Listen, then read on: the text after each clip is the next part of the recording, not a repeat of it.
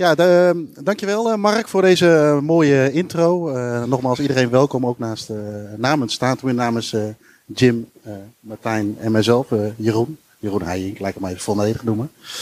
Ehm, ja, we gaan er een ehm, leuke avond maken, informatieve avond. Uh, vooral uh, lekker uh, mijmeren naar, naar vroeger. Voordat we dat zeggen, er worden wat, maar dat hebben, is jullie waarschijnlijk al opgevallen. Er worden wat foto's gemaakt, wat filmopnames. Daarnaast, wat wij naast het uitbrengen van boeken en magazines doen, maken wij ook één keer per week een, een podcast. elke donderdagavond komt die online. wat wij vandaag allemaal gaan bespreken, gaan we ook opnemen en gaan we ook proberen uit te brengen tot in een, in een podcast. Dus mocht je het nog een keer terug willen luisteren, dan kan dat vanaf morgenavond. Dus er zal ook een opname plaatsvinden. Uh, ja, en dan uh, vanavond, Jim. Ja, wij zaten, we zijn natuurlijk al een tijdje een beetje aan het voorbereiden. praten, kijken, dingen. We zijn vanmiddag even naar Kaleide geweest. maar voordat we daar even mee beginnen. Ehm, welke herinneringen heb jij aan het stadion, aan het half verdwenen stadion inmiddels? Nou, ik zou bijna zeggen, hebben ze eine? Uh, nou, mijn eerste herinnering uh, is, uh, daar hebben we het vanmiddag ook aan de auto over gehad. Maar dat is eigenlijk dat ik als 13-jarig jongetje naar tv zat te kijken. En Roda het Sofia zag. En toen de tijd ja, was, het, was ik echt nog helemaal into voetbal en voetbalplaatjes sparen. En ik hoopte ook, wel wat minder geworden, ik hoopte ook dat elke Nederlandse club dan verder zou komen in Europa. Het was natuurlijk kwartfinale Europa Cup 2. En dat was uh, ja, bloedstollend uh, spannend. Maar ja, jullie weten allemaal hoe het is afgelopen, helaas. Maar dat is eigenlijk mijn eerste herinnering aan, aan wat ik me kan herinneren aan Roda, aan Kaalheide. Dat ik, dat ik die beelden zag op tv.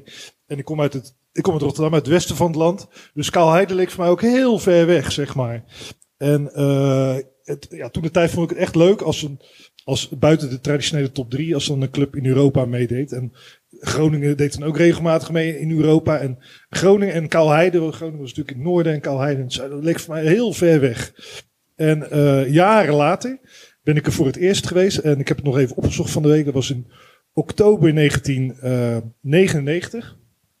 Uh, toen ben ik uh, een vriend van mij, die is misschien een beetje vloeken hier in de kerk, maar een vriend van mij die studeerde in Maastricht. En die had een vriend weer en die ging altijd met zijn vader naar Roda. En ik ben supporter van Feyenoord, waar Pierre nog heeft gespeeld. En René natuurlijk ook. Ik heb hier trouwens nog een hele mooie kaart van, van vroeger. Ik heb ooit in 1987, heb ik dus jouw handtekening gehad. Toch weer dat Feyenoord sausje, ja, Jim. Maar goed, daar, daar, hebben we het verder niet over. Maar ehm, in 1999, toen gingen wij dus met de trein van Maastricht naar Kaalheide. En ehm, ik weet er niet zo gek veel meer van, maar ik weet wel dat we daar op een stationnetje aankwamen. En volgens mij bestaat het niet meer. Ik heb vanmiddag aan Mark gevraagd, die net de introductie deed. Het was waarschijnlijk Kerkrade West.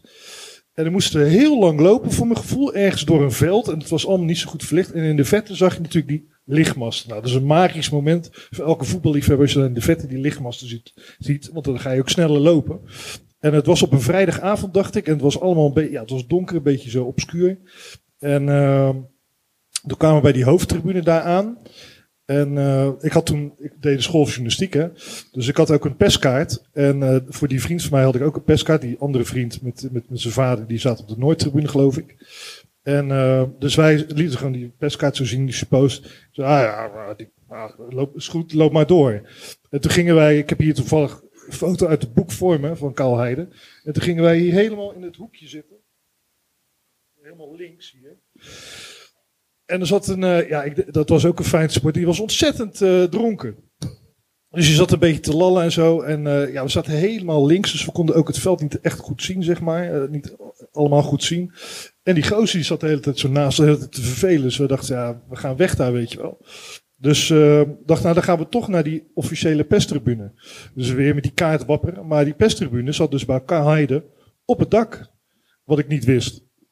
Dus we kwamen daar binnen. Ja, helemaal vol. Ja, shit man, dan kunnen we hier ook al niet zitten. En toen hebben we dus de wedstrijd uiteindelijk, zeg maar, op dat dak, op dat balkon, hebben we de hele wedstrijd gevolgd. 90 minuten lang. Overigens verloren 2-1. Wel vroeg doel van John Dal Thomason, maar uiteindelijk 2-1 verloren.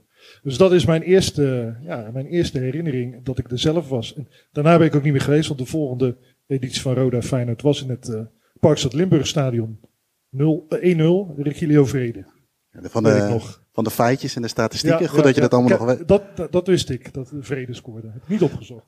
Hey, en ehm, nou ja, ik, ik ben iets, eh, iets jonger dan jij bent. Ik kom uit de 80. Ik kan me die avond met, eh, met Sofia nog wel, eh, wel goed herinneren. In die zin, ik was 8, 9 jaar oud. En dan was het inderdaad dat je door de week Europees voetbal mocht kijken en mocht opblijven om dat te zien. En wat mij nog bijstaat is natuurlijk die, die wedstrijd. Eh, vooral Boerenbach ook, hè, met, de, met de penalties. Maar ook dat ik die teleurstelling, terwijl ik, ik ben geen rode JC-fan, maar de teleurstelling dat een Nederlandse ploeg, en gevoelsmatig, dat vinden we Nederlands overigens altijd, maar onterecht uitlag. En dat staat mij nog heel erg bij. Eh, ik heb helaas nooit op uh, Kalheide mogen zijn, tot, uh, tot aan vandaag. Um, jouw verhaal wat je net schetst. Uh, wij zijn vanmiddag even met, uh, met een rondleiding met Mark. Uh, hebben we even een kijkje mogen nemen op het veld. En ook nog binnen voor wat, wat er over is. Um, zoveel jaar later. Wat, ja, nu komt de clichévraag. Wat ging er nu door je heen, Jim? Ja. Ja, kijk, de ligging is natuurlijk heel mooi. En je ziet natuurlijk die contouren nog helemaal. Die Noordtribune is weg. Maar je ziet natuurlijk wel die, die, die boog. En die, die, die, die, traptreden zie je nog. En volgens mij is het het enige stadion, of het enige stadion in Nederland was, of nog steeds is, zeg maar een beetje, waar je bomen hebt in het stadion. Viel maar op. Nergens bomen in het stadion, maar als je ieder hekken doorgaat van Kaalheide, zie je bomen. Ja, dat vond ik ook wel apart. Ja, van vroeger was het natuurlijk, kijk, we, zitten, we zijn nu allemaal heel nostalgisch, hè, maar vroeger was het natuurlijk altijd zo, ja, Kaalheide, dat zullen al, heel veel voetballiefhebbers van buiten Kerkrade of anders, Kaalheide, ja, die klote Sintelbaan. Dat is ja. natuurlijk altijd iets van vroeger. Maar nu vinden we dat allemaal mooi, eigenlijk. Uh, uh, de Goffert was eigenlijk ook achteraf mooi van lelijkheid met die wielerbaan, dat soort dingen. En uh, ja, het is jammer, maar ja, maar goed, misschien komen we zo meteen met de gasten nog op. Ik vroeg ook aan Mark van ja, is het nou een, uiteindelijk toch misschien beter geweest voor de club? Nou, Parkstad Limburg staan. Maar daar komen we misschien met, uh, met Martijn of een van de gasten wel op. Ja.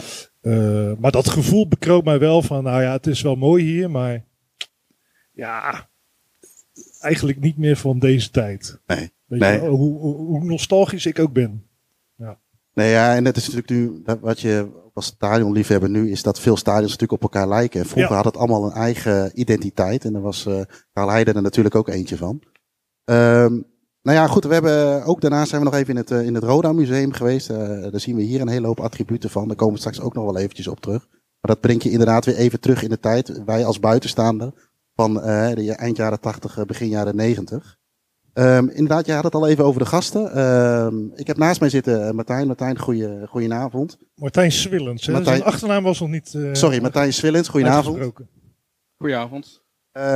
Pierre, René en uh, ik moet even om die immense beker heen kijken. Uh, uh, Marcel, goedenavond. Ehm, laat ik even bij, ik kom zo meteen bij jou met, gaan we naar het boek toe. Pierre, we hebben inderdaad twee microfoons liggen. benut ze alsjeblieft. Ehm, je hoort net, doet hij het? Hij doet het. Ja, ja, ja, ja hij doet het. Ja. Je, je, hoort net een verhaal van, van Jim en in, in mindere mate iets van mij. herken jij daar iets in? je hebt het natuurlijk zelf gespeeld, maar ook ja, dat, dat geromantiseer over? Nou, het, uh, het was natuurlijk op zich wel dat uh, over de staantribune. Dat was natuurlijk eigenlijk toen ook wel een stukje een, een fenomeen. Uh, en, ja, er waren natuurlijk wel goede potjes bij waar dat publiekje dan toch wel meenam. Ja. De, de Sintelbaan wordt genoemd. Ja, die was toch, maar die was niet belangrijk. Hè? Die, die staantribune, daar, daar zaten de mensen de echte, noem het maar even, zonder de andere tekort te doen. Maar het was wel een stadion waar toch wel sfeer zat.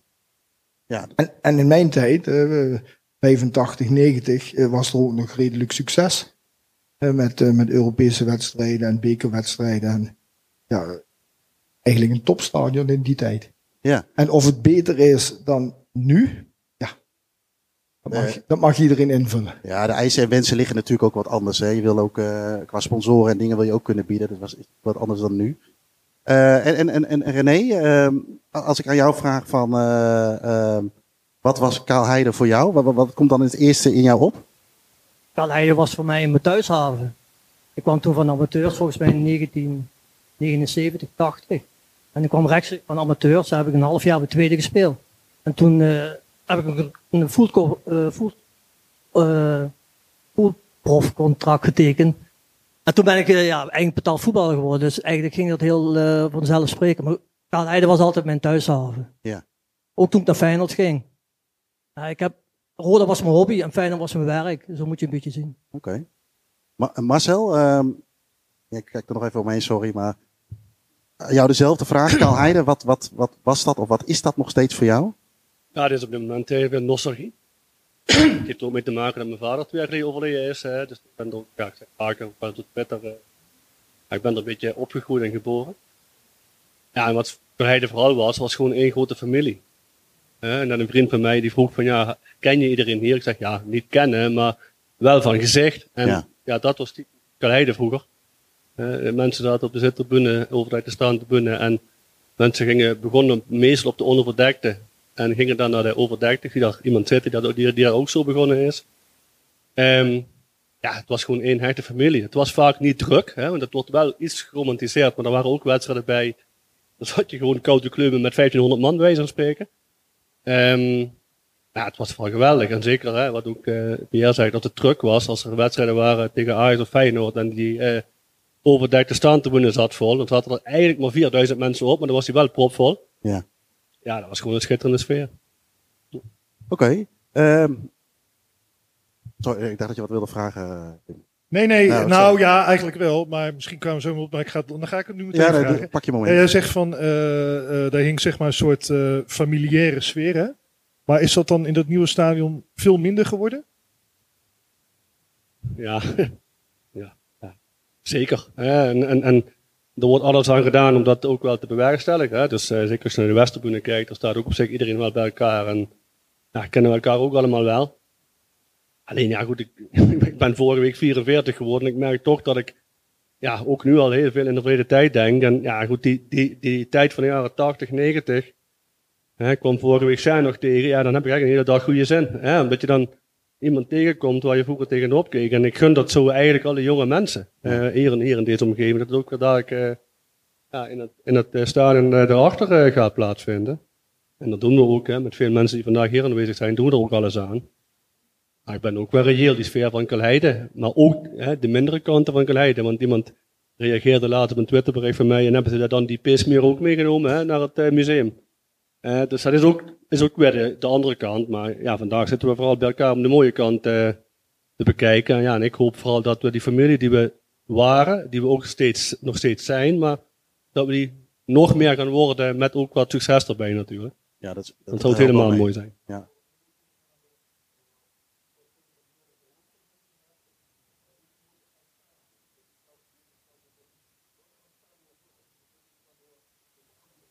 Ja, beide. En mijn verleden. Hè? Dus als ik naar mezelf kijk, ik ben daar letterlijk opgegroeid. Dus eh, ik was eh, twee, toen eh, speelde ik daarover in de zandbak. En, je kunt je ook niet voorstellen, die tijd, hè, dat bijvoorbeeld chef voetballen, want dat is de tijd dat ik met name klein was. Ja, daar kon gewoon alles. Hè? Het was ook niet professioneel. Het was ook gewoon eigen amateurclub. Ik weet nog dat ik eh, in de jaren tachtig, ik stond gewoon eh, naast de, de, de trainer Eikenbroek, stond ik gewoon naast de dugout. Wat eigenlijk ook niet kan eigenlijk. Hè? want Dat waren profvoetballers. En dan stond je gewoon stond je mee te luisteren naar wat, eh, hoe, hoe zij gecoacht werden. Dus, maar het was wel een mooie tijd. En, ja, goed, en, en, en, dat, en dat stadion, hè, ik kom er nu nog wel eens een paar keer per week. Ja, ja ik ben wel heel eerlijk. Als je daar komt, dat doet je gewoon wat. Maar Ja. het heeft ook te maken, nogmaals, met iedereen heeft zo zijn eigen situatie. Ja, nogmaals, eh, ik weet niet of dat misschien...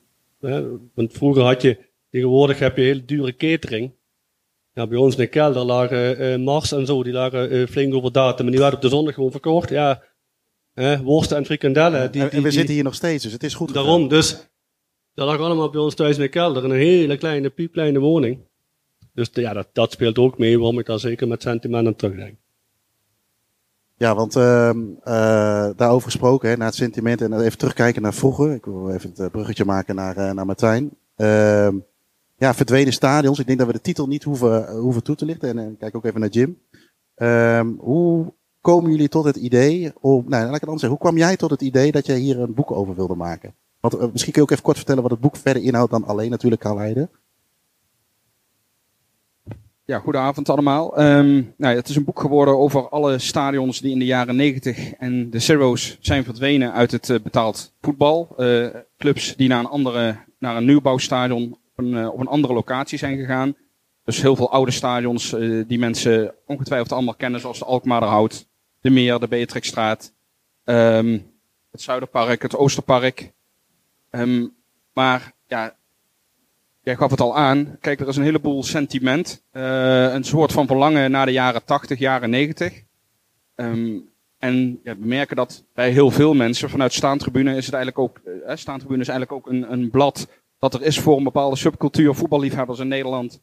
Die heel veel, of die veel minder op hebben met het moderne voetbal. Die veel meer op hebben met, ehm, ja, met, met, met voetbalclubs die op een bepaalde manier eh, geworteld zijn in een bepaalde wijk of in een bepaalde stad. Met voetbalelftallen waar ze zich aan, ehm, in zekere zin aan kunnen relateren. Hè? Elftallen die in het verleden natuurlijk vijf, tien jaar lang heel vaak uit spelers bestond. Eh, elftallen met zes, zeven jongens die ja, bij wijze van spreken in 1981 al eh, bij, Rode speelden en in 1989 nog steeds bij Rode speelden. En dus ook heel erg tot de verbeelding spreken bij de mensen. Waarvan hier dus nu ook gelukkig een paar, eh, paar goede voorbeelden zitten. Ehm, en dat sentiment, ja, dat is eigenlijk zo gaan leven dat wij eh, vanuit Staantribune met z'n allen ehm, een keer bij elkaar zijn gaan zitten. En de vraag, in dit geval vanuit Jim, kwam van, goh, ehm, je hebt nu al een keer een boek geschreven over verdwenen profclubs in Nederland. Zou je dan ook niet een boek willen schrijven over verdwenen stadions in Nederland? Martijn zijn is we. hoofd eh, verdwenen dingetjes. Ja, en nou ja, zo ontstond dus het idee om ook eh, toch Kaalheide op te laten nemen in dit boek. Ondanks dat het stadion er nog wel ligt.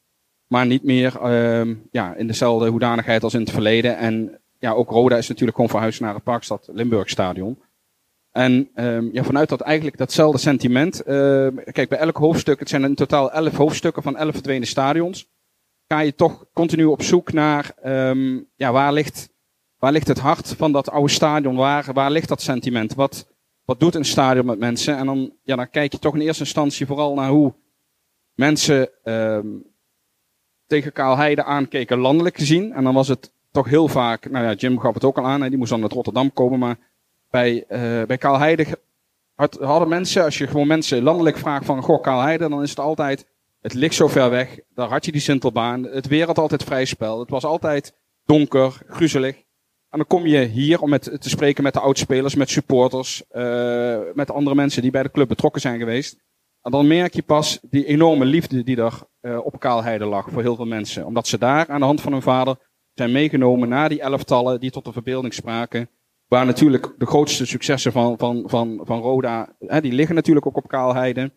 Dus het is meer dan nostalgie. Er ligt natuurlijk ook één grote brok geschiedenis op, op Kaalheide. En um, met name dat, dat nou, het werd net al aangehaald, het familiegevoel. Ik hoorde dat ook heel veel supporters heel veel zeggen van, ja, nu is het, nu ga ik vooral naar Roda kijken. En vroeger zag ik daar ook gezellig met vrienden. En dat zal in zekere zin natuurlijk nog steeds zo zijn. Maar het, het bepaalde familiegevoel. Kijk, alle oudspelers die ik gesproken heb, die noemden de, die noemden de kantine waar sponsors, supporters samen, samen een biertje stonden te drinken. Ja, dat verdween ook. Hè. Erik van der Leur die gaf dat ook aan. De eerste wedstrijd die ik speelde in het Paxter Limburg Stadion had ik het idee dat ik een uitwedstrijd speelde omdat in niets meer de herkenbaarheid, het, het gemoedelijke, het familiaire van Kaalheide, dat was in één klap weg. Natuurlijk alle faciliteiten op, op, in het nieuwe stadion veel beter. Maar dat familiaire, dat, dat was in één keertje weg. En dat is iets um, wat mij bij Kaalheide heel erg opviel, is zeg maar het contrast. Mensen uh, gewoon in de landen die eigenlijk altijd op een negatieve manier spraken over Kaalheide. En als je spelers en supporters en ook sponsors van Rode aan het woord laat uh, over die tijd, dan ja, Uiteraard wordt het ook wat overgeromantiseerd, maar iedereen kijkt toch met een heel voldaan en met een heel fijn gevoel terug op, uh, op. Nou, dat is een mooi uitgebreid antwoord op, op de vraag. Hey, en dan ben je in, ga je in met, met Jim aan de slag, ga je het vormgeven, zeg maar. Ehm, overigens, één stap terug nog. Wat zijn jouw ervaringen zelf met Kaalheide geweest? Um, ja, ik ben één keer op Kaalheide geweest in 1998. Um, Toen won Roda met 5-3 van Fortuna Sittard. Um, ja, dat was mijn eigen ervaring. Uh, ik kon uit eigen ervaring meespreken mee over het feit dat uh, alle weerselementen vrij spel hadden op Kaalheide. Het was koud, het was nat. En ja, maar uh, ik kan me nog steeds wel iets voorstellen bij waarom mensen Kaalheide missen. Omdat het zo'n uniek en eigen stadion was. Um, ja, Diekman had dat ook wel. Um, maar ja, het, stadion wat Kaalheide was, dat, dat heeft Nederland nu natuurlijk helemaal niet meer. En toen gaf het ook een zekere kracht aan, aan Roda. Uh, want iedereen die daar op bezoek kwam, uit supporters, maar ook de spelers van de bezoekende club, die waren allemaal al 10% gedemotiveerder dan bij een andere uitwedstrijd als ze bij Roda op bezoek kwamen. Dus denk ik wel een verschilletje met Twente, dat ze daar echt blij zijn met het nieuwe stadion. Je hoort eigenlijk, als ze het over Diekman hebben, hè, dat staat ook in je boek, maar als ze het over Diekman, ik ken ook wel tukkers. Als ze het over Diekman hebben, ja, dat was allemaal leuk, een goede oude tijd. Maar daar missen ze het echt totaal niet, eigenlijk. Die goalsvesten vinden ze veel beter en veel mooier. Er zijn ook veel meer succes behaald. Hè. Eh, landskampioen geworden, uiteindelijk. Tenminste bij NAC, maar wel landskampioen dat seizoen. Maar bij, eh dat bij Roda niet. Dat is bij, en bij, bij, die, bij heel veel andere stadions overigens ook niet. Ehm, eh, nee, dat, dat klopt. Dat is, wel- dat is, ehm, het schiet nog iets te binnen, ook voor, voor, voor, voor Pierre. Eh, herken je ook dat, dat familiaire wat net eh, door Marcel werd genoemd en ook door Martijn naar aanleiding van interviews? Herken je dat ook bijvoorbeeld die kantine? Wij Ja. zijn, eh, sorry dat ik je onderbreek, wij zijn vanmiddag ook even mogen toch binnenkijken. Eh we kwamen volgens mij als eerste binnen Jim, corrigeer me als het niet is, maar volgens mij in de kantine zelf. Ja. Eh, kantine links van de hoofdingang. Ja. We zijn later nog in die business seat geweest, waar er ook nog de tapijt ligt van 1985. Met Roda erin en, Ja. en balletjes. En, en, en Ja. waar de sigarettenpeuken waren uitgedrukt. Ja, ja. Maar eh, sorry, herken jij dat, eh, wat, wat vertelde dat familiaire? Nou, eh, eh, ik- noem het even zo dat de kantine, dat was een beetje de graadmeter van eh, of je een goede of een slechte pot gespeeld had. Oké, Hè, dan ging je de kantine binnen en, eh, nou ja goed, ik weet nog goed, de eerste wedstrijd scoorde ik ook nog tegen Fortuna. Dan is natuurlijk iedereen met een schouderklopje en een eh, top. En eh, drie weken later speel je dus een draak van een wedstrijd en dan krijg je dus ook eh, van dezelfde mensen het correcte antwoord. Het was helemaal niks. En het is allemaal een beetje verplaatst van de kantine naar spelershome. En, en, en daar is toch een stukje in verloren. Tenminste, wat ik altijd wel prettig vond, het, het contact met de supporters. En Ja. dat is een beetje verloren gegaan met de opbouw in de nieuwe stadions. Ja, want je geeft dat een beetje aan, maar het contact met supporters was dus heel Ja, eh, ja. ja, eh, letterlijk nauw, of eh, eh, close zeg maar. Ja, ja, tenminste, ik heb dat wel altijd zo ervaren. Want ik, ik zat altijd dan na de wedstrijd wel in de kantine. En eh, ja, het was goed als je goed gespeeld had, ja. Ja. En wij hebben vanmiddag ook, eh, nou die is dan helaas net weggehaald, hè Jim, de, de, de spelerstunnel. Ja, ja, je ziet nog wel waar de ingang was, zeg maar. Maar die kuil, ja, we, hebben de kuil gezien, dat is niet zo bijzonder. Nee, Maar eh, nee maar het, is wel, het Ja. gaf wel een beetje goed weer Ja. eh, waar- de spelerstunnel liep. Eh, René, hoe, wat, wat, wat, ja, wat voor spelerstunnel was dat? Want ik zat daarna te kijken, we mochten er niet meer in omdat dat allemaal weg was. Maar het leek wel heel nauw.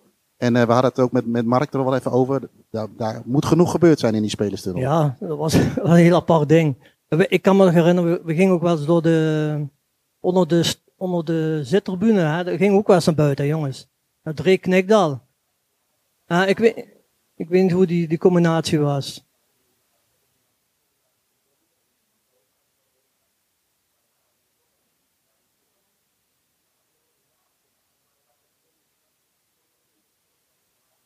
Ja. Ja, en die kuttrap, die kan ik nog wel herinneren. Hè? Als je die noppen aan had, dan lag je bijna op je bek van, eh, ja, hè, dat was een klote trap was dat. Maar we gingen ook wel eens onder de, sta onder de zittribune, gingen ook wel eens naar buiten, weet ik wel. Ja. Ja. Het had wel iets, maar goed. Kijk, Karl, hij had voor mij alles. Ja. Ik was niet anders gewend, het was gewoon mijn thuishaven. Het was helemaal geen luxe. Luxe ja, bestond gewoon niet op Nee. Maar goed, wij waren dat gewend. En als, zoals nieuwe spelers kwamen, ja, die moesten er echt aan wennen van, wat is dit voor een oude leem? Maar voor ons was dat, ja, was dat heel normaal. Ja, want eh, je, dan heb je natuurlijk vergelijksmateriaal bij de clubs waar je dan op bezoek komt. Ja, en dan ja, dacht je niet dan af en toe van een oude ja, meuk. Nee. eh, Dus, Nee, zo heb ik het nooit gezien en nooit ervaren. Het was van ons en ja, goed. En wij, ja, goed, wij speelden altijd heel graag en eh, ja, vooral thuis. En Ja. laat maar komen eh, tegen wie we ook spelen. Dus eh, Oké. dat gevoel hadden we wel heel erg. En, en, en Ma- Marcel, ehm, waar stond jij precies in het stadion? Ja, goed. eh, ik, eh, ik, heb, ik heb nooit gestaan, omdat ik heb altijd... eh goed, ik komt wel in Nostalgie een beetje. Ik ben met zes jaar eh verkocht ik al programmaboekjes. Dat had te maken met dat mijn vader dat allemaal regelde met de sportersvereniging. Ja. En ehm, daarna heb ik ook altijd gewerkt bij Roda. Dus toen in, die tijd hadden, deden ze ook nog de speelsom. Dat kan ik me herinneren dat als ja, het bier te langzaam kreeg, dat hij zelf achter de tap kwam staan. Om even aan te geven hoe die tijd toen was. Hè. Dus de, Ja. de spelers deden dat gewoon zelf. Ehm, en later heb ik bij Roda ook altijd gewoon altijd gewerkt. Ehm, en daarom zat ik altijd eh, gewoon op de hoofdtribune, want dat was dan handig. En ik ben eigenlijk pas in het nieuwe stadion, ben ik eigenlijk pas met mijn vrienden naar Roda gegaan. Oké. Ik heb het ook wel eens gemist, maar aan de andere kant daar er ook wel weer hele, hele andere mooie dingen mogen meemaken. Bijvoorbeeld de jaren 94, 95 heb ik dan daardoor van dichtbij kunnen meemaken. Ehm, en wat ik dan zelf gewoon heel mooi vind, hè, want je had het net een paar keer over die vergelijking. Als ik dus naar mezelf kijk, ik heb er altijd in die horeca gewerkt. En letterlijk gewoon, hè, als daar hote methode kwam, noem maar even, hè, de mensen die geld gaven, eh boeide het helemaal niet als je een wijnglas zo gaf, zeg maar. Hè. Even, hè, zonder etiketten, dat was gewoon, dat, dat was Roda, zeg maar. Ehm, ik, hè, ik werkte ook met mijn zus en zo, bla bla. Alleen toen kwam het nieuwe stadion en ik weet nog, ja, dat was allemaal hè, business to business, het moest allemaal goed geregeld worden. Ehm, en vanuit mijn, ik, ik heb zelf gestudeerd economie, dus ik snap het allemaal, maar had gewoon helemaal niks met voetbal te maken. Ik kwam een genadekoket op in plaats van goede frikandellen. En wat ik me heel goed kan herinneren, is men stapte toen over, de horeca ging naar, ehm naar dat, dat bedrijf wat, eh, van die vliegtuigen. En ik weet nog dat mijn vader vroeg, en jong, wat ze wel merken? En ik ging er de eerste keer kijken en die hadden van die matrozenpakjes aan. Ja, ik zeg, dus ik denk het dus niet dank. Dus hè, meteen gezegd van, dat ga ik dus niet, niet doen. En ook dit is nostalgie. En ook, hè, ik, en ik snap, hè, men wilde geld verdienen. En ook de eerste jaren in het nieuwe stadion waren natuurlijk ook wel gewoon nog prima. Hè, we hebben goed, goed gepresteerd. Alleen als voetbalsupporter, als mensen zoals we hier zitten, ja, was dat gewoon verschrikkelijk. Het, het had gewoon niks te maken met alles wat daar was. En dus rationeel kun je het wel redeneren. Hè. Wist je ook, er moest geld verdiend worden. En als je bij Vitesse kwam, toen ik met Albers, hè, dan kreeg je ook, eh, eh, weet ik wat, eh, luxe caviar beneden aan de, Ja. de ingang. En ora's, hè, die moest je toen kopen. Bij wijze van spreken. Alleen dat geeft wel aan, denk ik, waarom vandaag ook weer toch, toch best veel mensen hier zitten. Omdat dit is gewoon het echte voetballen. Ehm, Martijn, eh, nog even terug naar je boek. Ehm, dan ga je van start. Eh, hoe, hoe ga je van start? Waar begin je? Heb je had je een bepaald plan? Of? Nou, ik, ik word volgende maand 44.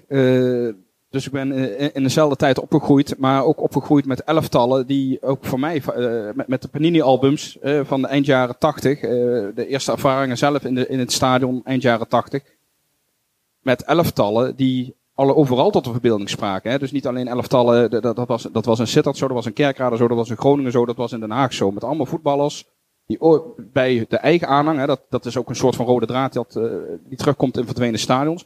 Met allemaal elftallen en spelers die tot de verbeelding spraken. Dus op het moment dat je dan eh, gaat kijken van welke spelers passen bij die stadions, dan, dan, dan kijk je natuurlijk toch naar bepaalde lichtingen. En dan probeer je eigenlijk per decennium, dus eigenlijk per tien jaar, er iemand uit te pakken die heel goed kan vertellen over die tijd.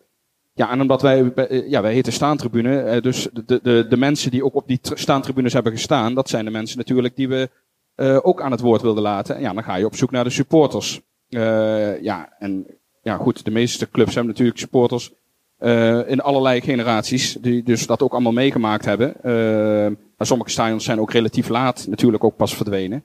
Ja, en daar ook bij aangeklopt. Ja, en wat je dan al heel snel merkt, is dat iedereen ook heel erg graag wil meewerken. En ook die, eh, ja, die nostalgische gevoelens graag, graag wil delen. En Jim, is het voor jou, het, eindresultaat ligt hier. Is, is dit wat jij in je hoofd had? Of is het... beetje preken op eigen parochie. Nee, dat natuurlijk. mag, daar zijn nee, nee, voor. nee, ja, nee. Het is, eh, kijk, die verhalen van Martijn die zijn heel tof. Ze zijn ook gewoon heel herkenbaar. Dus het maakt niet uit of je fan bent van Roda of van Fortuna.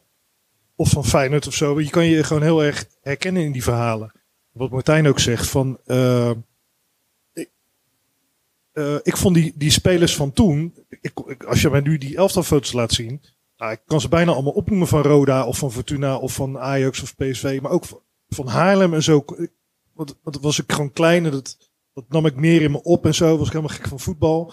En eh, die spelers bleven inderdaad ook langer, eh, wat Martijn zegt. En ik had ook bij die, bij die clubs had ik vaak favorieten, weet je wel. Eh, Bij eh, Groningen Jan van Dijk. Ik had allemaal van die... Ik vond het mooi, al die clubspelers. Shane Hans was altijd mijn, mijn favoriet bij Roda. Want hij had een mooie ketting zo over zijn shirt. En die keek een beetje zo bozig. En die ging voorop in de strijd. Ja, dat spreekt heel veel supporters. Ja. Of je nou voor Roda bent of voor Ajax of voor Feyenoord. Spreekt dat mensen aan. Weet je wel? En dat zit allemaal, die, al die gevoelens van vroeger, dat zit in het boek. Maar wat ook leuk is, dat Martijn, hebben we het niet verteld. eh, hij heeft ook, het gaat niet alleen maar over vroeger. Er zijn ook, zeg maar, hij heeft ook de bestuurders geïnterviewd. Dus hij heeft eh, eh, van Praag, van Ajax en Riemen van der Velde van Herenveen en Scheringa van AZ. Onder andere Jan Smit van Heracles. En die heeft hij gevraagd van, goh, waarom zijn jullie naar die stadions gegaan? En dan komt er ook een heel goed en logisch verhaal ook vaak uit. Rode heeft hij dan niet eh, mensen gesproken, zeg maar, op, dat op dat vlak, maar wel weer andere mensen. En, eh, dus het is niet alleen maar over vroeger. En het is, eh, het is ook goed dat dat ook in het boek staat. Dus het is een compleet verhaal over die stadions. Niet alleen maar van vroeger was alles beter, maar ook van waarom zijn naar die stadions gegaan. En sommige clubs zijn natuurlijk wel echt, zoals AZ en Twente, Ajax ook, natuurlijk uiteindelijk wel op vooruit gegaan. Hoewel ze in Amsterdam ook nog vaak met nostalgische gevoelens naar de meer kijken. Maar goed, dat, dat, dat kon gewoon niet meer. Voor de club dat, wat Ajax toen was, hè, net de Europa Cup gewonnen, dus dat, dat kon gewoon niet meer. Nee. Dus dat vind ik leuk aan het boek. Dat het niet alleen maar van vroeger was alles beter. Maar het druipt natuurlijk wel vanaf. En ook ja, in combinatie met al die foto's. Waar de jongens van het eh, Roda Museum ook aan, aan meegeholpen hebben. Ja, dat is natuurlijk hartstikke mooi om dat eh, terug te zien. Dus ik waam me weer even 13, 14 jaar. Ja. En ehm, is er nu een stadion nummer 12 die als eh, eerste moet gaan voor deel 2 van verdwenen stadions? Ja, nou, dat kan Martijn wel vertellen.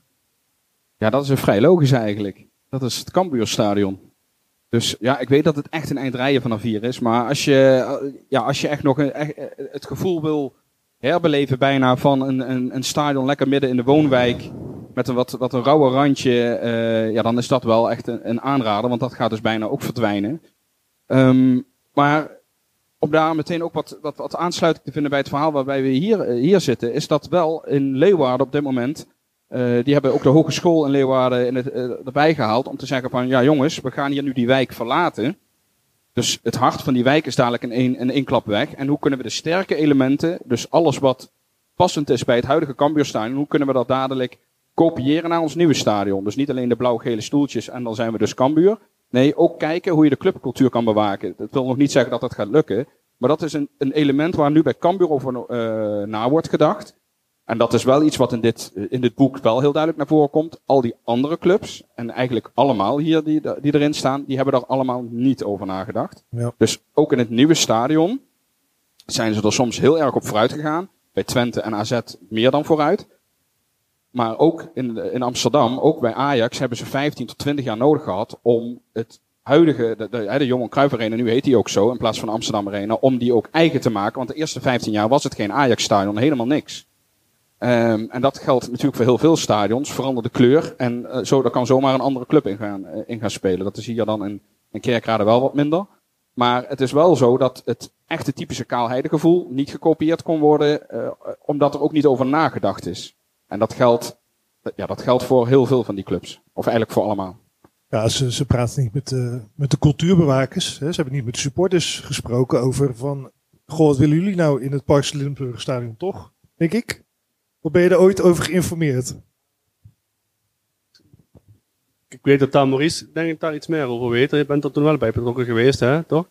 Ja, dat klopt inderdaad. Uh, Maurice Telen van uh, collega podcast The Voice of Calais.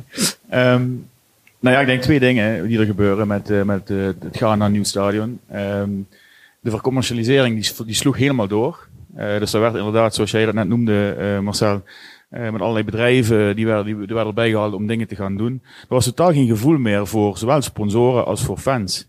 Ik weet dat wij toen op Midden-Noord stonden toen we gingen, moesten gaan verhuizen. En het eerste wat wij zeiden is, wij willen in dat nieuwe stadion ook weer op die Zuidtribune in het midden komen te zitten. Uh, en dat is niet gebruikelijk, want iedereen werd op zijn doel geduwd. Uiteindelijk hebben we dat met heel veel moeite voor elkaar gekregen om daar met een mannetje of 120, 130 denk ik, uh, te beginnen op Zuid.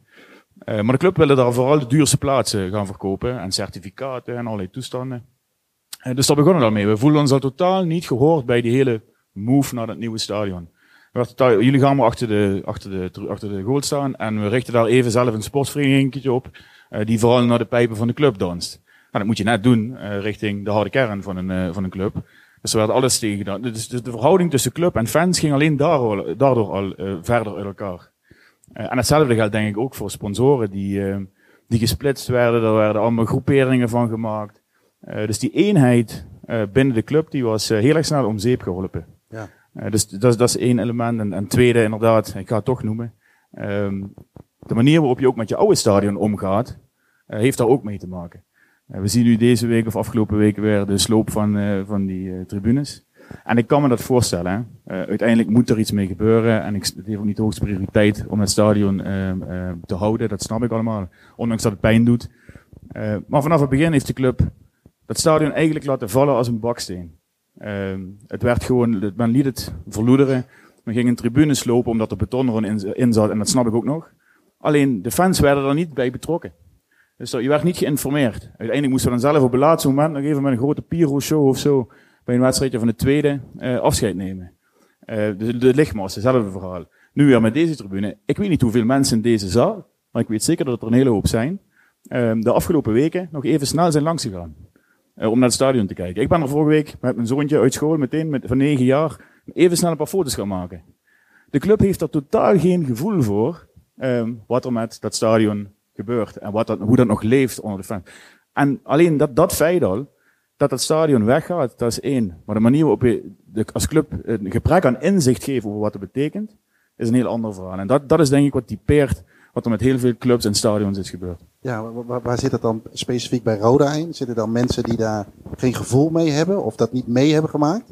Nou, dat zal, dat zal wel een combinatie van dingen zijn. Um, uh, en ik snap dat er een hele nieuwe lichting uh, lui in, in besturen, et cetera zit. Maar dan leg je toch je oor te luisteren bij, kijk eens wat hier in deze ruimte zit. Uh, mensen die dat, die dat wel weten, die daar wel gevoel voor hebben. En die er wel voor kunnen zorgen dat je samen die, die, die weg bewandelt van, we, gaan, we moeten naar een nieuw stadion. Uh, en wat doen we dan? Hoe betrekken we de fans daarbij? Ja. En ook hoe nemen we afscheid van het oude stadion? En dat klinkt heel erg sentimenteel. Maar ja, voetbal is emotie, toch? Nou ja, en het, het, het, het verbaast me aan de ene kant ook wel een beetje. Want uh, wij zijn, Mark die heeft ons een beetje vandaag op sleeptouw genomen. We zijn naar Kalheide geweest, werden we hartelijk ontvangen door Wiel, Wiel Slangen, zeg ik het goed? Ja? Uh, die liet ons alles even mooi zien, hoe het, waar we nog konden, uh, waar we nog, uh, konden lopen zonder helm, zeg maar. en daarna nou, gingen we even eten, maar zijn we naar de jongens van het Roda Museum, of in ieder geval die alle dingen nou, die onder andere hier staat. dus er zijn zeker mensen die dat zouden kunnen doen. Absoluut. Ja, de, hele, de, de jeugdopleiding zit er nog. Er zijn heel veel mensen die nog steeds bij de club werken en die dat gevoel wel hebben. Maar er wordt niet naar geluisterd of dat nu de mannen zoals hier tegenover me en naast me zitten als, als oud-spelers. Uh, of de verschillende fans. Uh, ja, ja, Dat, is, dat is een feit. Wat, wat uh, Pierre, René, of misschien kunnen de andere heren willen daar misschien wat over zeggen. herkennen jullie dit een beetje met de band met de club? zijn er bijvoorbeeld reunies of komen jullie wel eens bij elkaar met een bepaalde spelersgroep of spelersperiode? Ja, toevallig hebben we afgelopen zaterdag een reunie gehad. Zie, hier. Maar die werd niet georganiseerd door Roden, maar door Pierre Bletler. Die heeft ah. dat in het leven geroepen. Dat wil al heel wat zeggen dat uh, individu dat uh, op, uh, op zich gaat nemen. En ik hoor dat in de portefeuille van Rode JC, maar dat laten ze ook liggen. En ja, goed. Het is totaal geen podium voor oudspelers om die te, bij de club te betrekken, om wat voor functie dan ook. Hm. Dat hebben ze altijd, ja, daar hebben ze nooit van gebruik van gemaakt. Dat vind ik heel vreemd. Kan je wel naar wedstrijden, zeg maar, als je wil? Ja, dat wel. Dat, okay. dat is op dit moment wel goed geregeld, maar dat okay. was ook jarenlang not, not done. Ja, ja, ja. Dus uh, ja, op dat gebied hebben ze elke boot gemist. Dat vind ik wel heel erg jammer. Ja, René, maar toch uh, hak ik daarop in. ik denk dat vele mensen helemaal niet weten wat Rode JC betekent. Als je uh, vroeger bij Rode JC kwam, dat was gewoon alles. Je kwam het veld opgelopen om één uur al. Daar staan de mensen daar, je kijkt naar je ouders, die staan er. En dan gaat er een gevoel door je heen, wat niemand kan beschrijven. Je moet dat meegemaakt hebben. Jullie kunnen daar helemaal niet over meepraten. Want jullie hebben het niet meegemaakt. Daar ben ik gewoon eerlijk in. Het is een stadion, iedereen zei tuurlijk, die kut Centralbaan, die ligt daar. Maar die Centralbaan was voor ons heel normaal. Ja. Dat, we, we wisten niet anders. Maar die Centralbaan was wel zo, dat elke tegenstander die kwam, met knikkende knieën kwam. Waarom? Dat is Rode JC. En als je dat soms, als, je, als ik dat nu zie, het grote verschil is, de mensen wat nu beroden zijn, en de mensen wat vroeger beroden zijn. Bij ons was het normaal. De poetsvrouw, uh, meneer Bakker, uh, Nol Hendrik, Piquet, de man uh, die de kleren, de schoenen poetste. Dat was precies evenveel. Begrijp je? Dat, als, dat is gewoon, dat was Roda. Ja. En wat is nou tegenwoordig? Dan komen we dan terug op de, met de kaartjes, zeggen dan. Ik heb toevallig twee kaartjes voor leven gekregen, maar ik moet bellen of ik misschien alsjeblieft twee kaartjes kan hebben. Ja. Dit is gewoon belachelijk hoe mensen met je omgaan in een nieuwe stadion. Vroeger in het oude stadion, jongens, het was heel dag en nacht verschil. Elke tegenstander kwam knik in de knieën. Dat was gewoon Rode C. En dat was iedereen was ook bereid. Dat was ook, het zie je nou op het veld niet terug. En dat was vroeger wel. Iedereen was bereid voor voor elkaar te knokken. Voor voor elkaar door het vuur te gaan. Dat was Roda. Ja. En dan had je ook nog 8000 of 10.000 van die beklopten. schitterende gozers. het is gewoon zo. Ja. Ja. nee, die trekken hier er doorheen. Ja. En dat is, kijk, en dat kunnen jullie niet over mee. Dat hebben jullie niet meegemaakt. Je moet het veld opkomen om half drie en ze beginnen. Luister, dan krijg je kippenvel. En dan weet je van, je kan niet kapot gaan. En dat is waar wij voor leven. Dat is het gewoon. Dat is Roda. Hoe, hoe vaak ben jij nog, uh, Jeanne, teruggekeerd naar... Uh, Heel weinig. Heel weinig. En ook niet nu het bekend is, hè, de, het scorebord is uh, gered, de, de, de, de tribunes ik, gaan weg. Ik uh, ben toevallig, omdat ik uh, ergens in een ander werk doe, ben ik toevallig gisteren nog langs het stadion gelopen met enkele mensen. Ja. En ik heb ik nog naar de boom gekeken van Ant Fischer. En als ik dat, als ik dat nou hoor, dat die misschien verdwijnen moet, dan doet het je toch pijn in het lijf. Ja. Als je ziet, toen Hans begraven werd, hoeveel mensen van de Rode JC daar waren. Ik moet zeggen, toen, waren, toen was het nieuwe stadion daar niks. En dan denk ik bij mezelf, jongens, hebben ze dat verdiend, de mensen die alles voor Roda hebben gedaan, waar niemand voor komt? Dat doet je pijn een jaar. Ja, dat kan ik me Kijk, goed, maar de uh, gewone jongens van ons, wij waren er wel. Begrijp je? En dan denk ik, en nou een nieuwe stadion, denk ik, van, dat is toch niet Roda? Nee, het is niet, Hoe dat is niet jouw het, Roda. mijn, hoe hard het klinkt. Ja. Maar ik zie het zo. Uh, Maurice, jij wou wat... Uh, of uh, Maurice, sorry, uh, Marcel. Ja, ik wil er toch wel iets over zeggen. Ik wil er toch wel een beetje een positieve draai aan geven. Want ik ben het helemaal met Jean eens. Ik ben alleen, probeer altijd wel de laatste tijd iets meer te zeggen van... Um, nu, zeker, hè, is allemaal nog niet allemaal geweldig. Maar ik zie toch wel hele mooie dingen ontstaan. Want ik vind het toch belangrijk om te benoemen dat eind de jaren 2000... tot en met eigenlijk bij wijze van spreken twee, drie jaar geleden... die bestuurders, die hebben naar mijn mening gefaald. Daar wordt te weinig naar gekeken. Die krijgen te vaak, wordt gezegd, nu is het kloot en toen was het geweldig. Ik zeg, ben ik persoonlijke mening, vanaf het nieuwe stadion tot een jaar of drie, vier geleden wordt het ellende. Tot aan dat gebeuren met die Mexicaan, dat was nog het, eh, nog het meest erge dieptepunt. En die bestuurders, daar moeten wij het ook niet van hebben. Wat ik mooi vind om te zien is, toch, hè, de Rode 62, uh, Voice of Calais, zitten ook twee heren. Um, uh, wat wij zelf met onze vereniging aan het doen zijn. Wij als supporters, mensen zoals wij hier zitten, wij moeten het weer gaan oppakken. En daarom vind ik het dan wel fijn om te horen. Dat ik net ook, hè, dat er ex-spelers toch weer naar Rode gaan komen. Um, ik kom toevallig wat vaker ook bij jeugd, er toevallig uh, het zoontje van mevrouw speelt. Daar zie je toch ook steeds meer ex-spelers komen. Dus ik denk wel dat we, ja, wij zijn het hart van Roda, zoals we hier zitten. En wij moeten het gaan doen. Want Joris Peters doet goed werk, maar over een paar jaar is hij weg. Uh, en dan moeten wij voor zorgen dat we dan uh, dit, hè, waar zij hiervoor pleit, waar ik het helemaal mee eens ben. Maar ik vind nogmaals, ik vind wel dat we vooral ook naar de bestuurders moeten kijken toen we nog toch zogenaamd su succes hadden. Die hadden helemaal geen oog voor de spelers die hier zitten. Nee. Uh, over ex-spelers gesproken. Je hebt er veel gesproken, Martijn. zijn er, heb je mooie anekdotes ook gehoord, wat misschien niet in het boek staat, of waarvan jij zegt van, nou, dat is iets wel wat ik zou willen delen met de, met de mensen die hier zitten? Nou ja, ik zie Shane uh, daar zitten. Ik, ik heb hem niet geïnterviewd voor het boek, maar wel zijn naamgenoot. Uh, Shane Marijnissen. Maar die had als bijnaam Eus. Hè? Een Brabander. Dus vandaar dat hij Eus heette en, en, en, Shane omdat hij Limburger is. Maar die um, had als uh, leuke anekdote dat die Sintelbaan meer dan een, um, nou ja, een demotiverend element was voor de clubs die hier op bezoek kwamen. Het was ook een extra kracht, want Jeanne wist blijkbaar precies de afstand dat je een speler kon schoppen over de zijlijn, dat hij het randje van de atletiekbaan raakte. En de aanvoerder van Helmond Sport kan erover meepraten, want die kon er volgens mij na vijf minuten al met uh, de brancard af. en uh, ja, zo geldt dat ook voor de spelerstunnel. Uh, dat wist ook Erik van der Leur me wel te vertellen. Dat daar toch ook regelmatig um, wedstrijden, eigenlijk al voor de wedstrijden, min of meer beslist werden, omdat het daar zo donker en grimmig kon zijn dat ja, met name de karakterjongens daar wel af en toe het verschil tussen de mannen en de jongens al wisten te maken. En dat heel veel spelers, nog even los van dat, die Sintelbaan en, en, en die afstand, eigenlijk al die spelers zullen uitkwamen met het idee, verrek, het, we moeten hier nog voetballen. Maar dat ze eigenlijk al drie keer bij de ballen gegrepen waren voordat ze ook daadwerkelijk het veld opkwamen. Dus uh, Kaal Heide gaf, gaf ook een, een zeker trots, of een zeker uh, uh, kracht mee ook aan de spelers van Roda. De spelerstunnel hebben we net al een paar keer genoemd. Uh, ik wil er toch wel iets meer over weten, want het is inderdaad, tegenwoordig hangen er 120 camera's, dan zie je alles al. Je moet altijd even denken aan... Uh...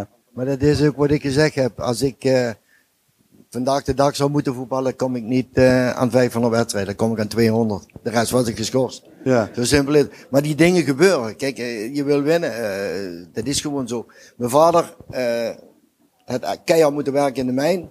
Eh, die zei altijd, jongen luister, wat jij kan verdienen in één wedstrijd, daar moet ik een maand voor werken. Dat bleef mij altijd bij. Ik wou altijd winnen.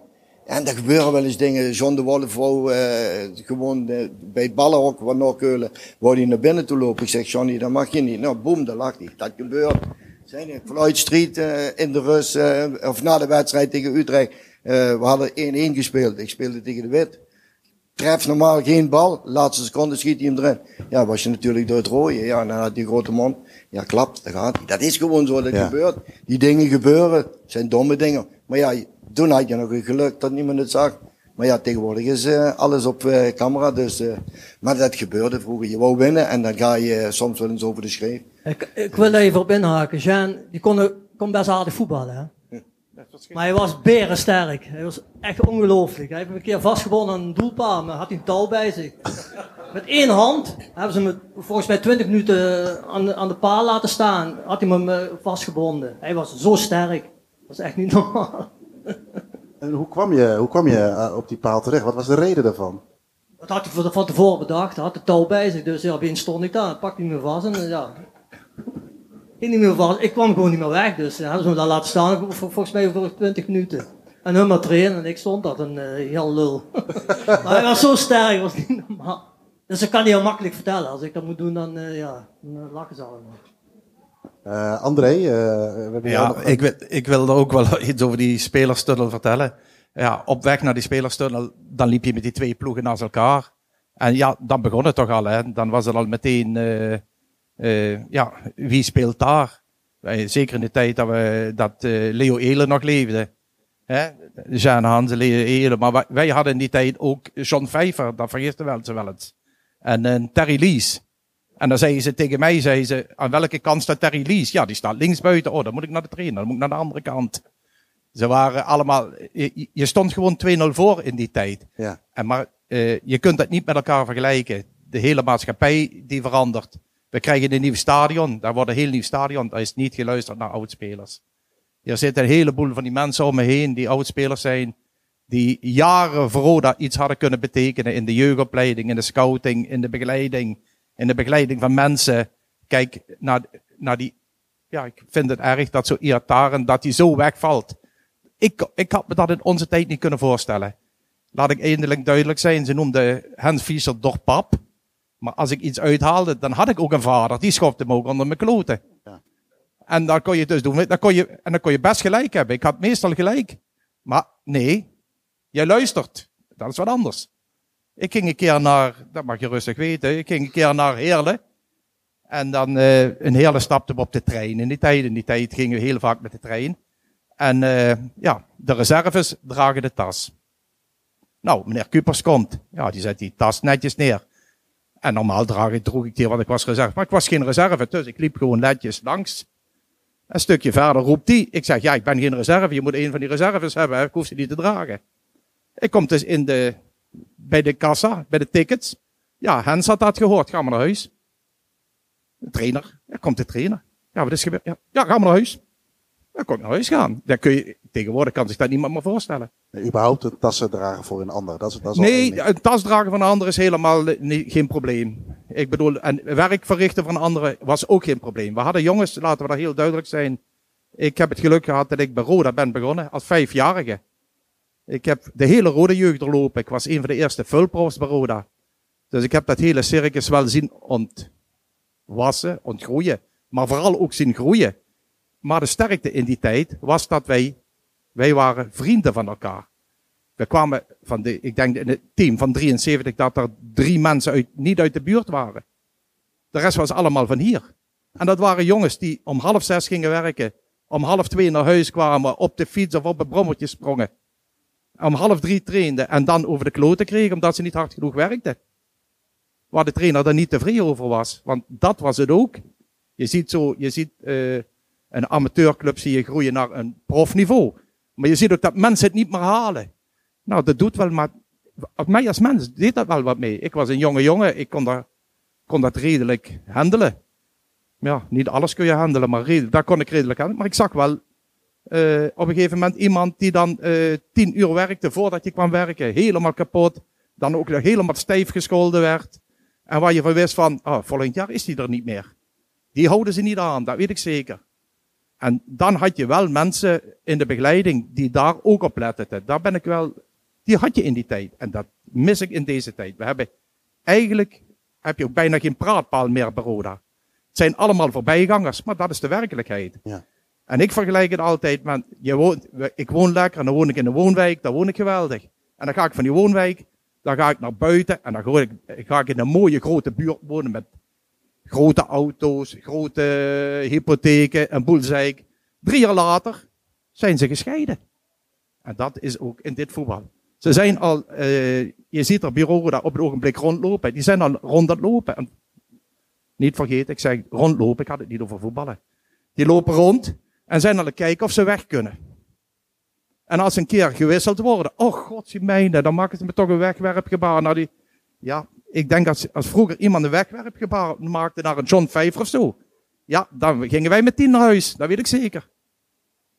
En uh, Rob, we hebben jou uh, nog niet, uh, niet gehoord. herken jij vanuit de supporterskant ook die kanteling, zeg maar? Wat, wat, er nu een beetje besproken wordt. Het familiaire gevoel op Kaalheide ten opzichte van hedendaagse?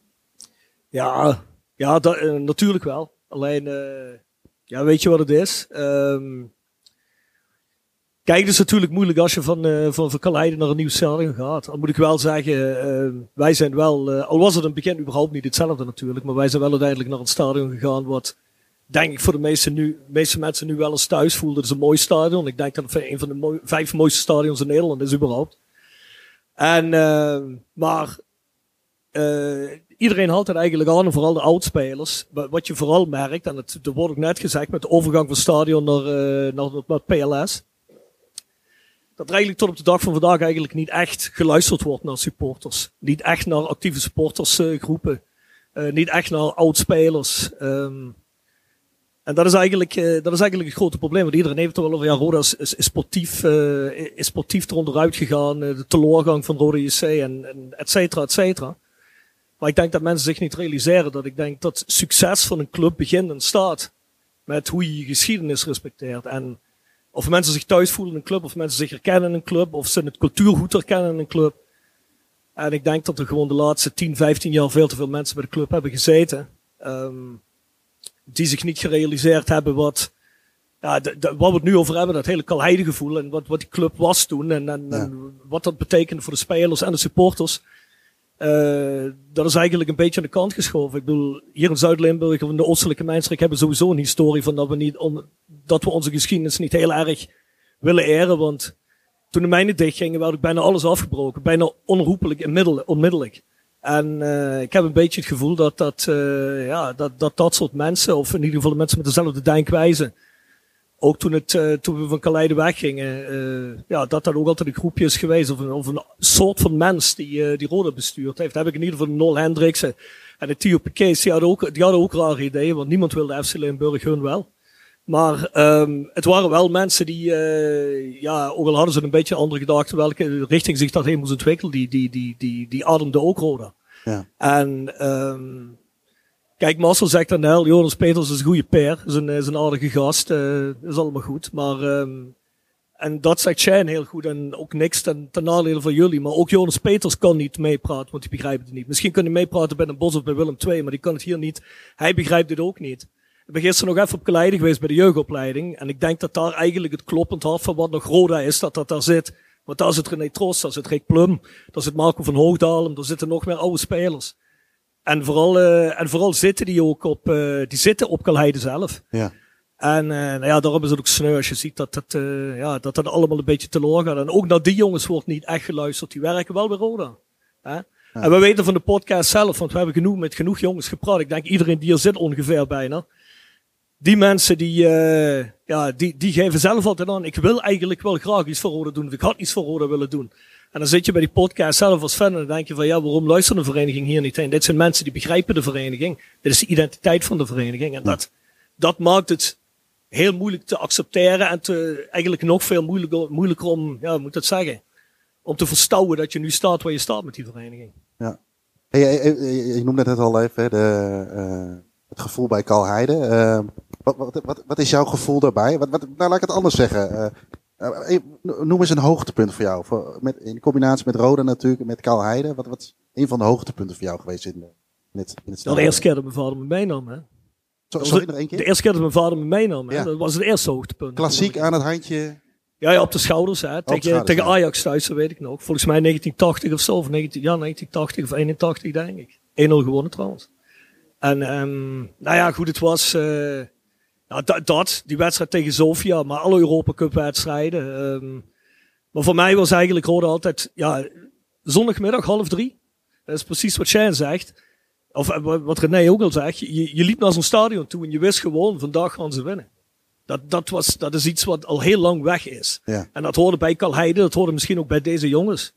Ehm, of wat oudere generaties, ook jongens die na hun kwamen. Maar Rode op Kalheide was niet alleen Kalheide, maar Rode JC's team was ook bijna een onneembare vesting. Dan zijn we dan nooit kampioen geworden. Wel bijna. Of, eh, hè, maar voor, voor de club die Roda was, voor eigenlijk de relatief kleine club, Ja. ja, was, dat, ja, was dat een. Ja, je ging altijd vol vertrouwen erin. Het kwam niet voor dat je.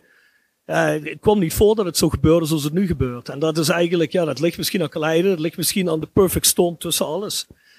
Maar ja, die, die Europa Cup wedstrijden waren tegelijk het hoogtepunt en het, eh, en het dieptepunt natuurlijk. Hè. Dus, En in, in hoeverre eh, baal je nog van het feit dat je, jullie tweede werden, dat je net een team boven je had die eigenlijk wereldtop was? Want anders was je waarschijnlijk gewoon een keer kampioen. In, eh, Ja, was dat- je kampioen geworden, zo ja, dat, dat vind ik typisch Roda.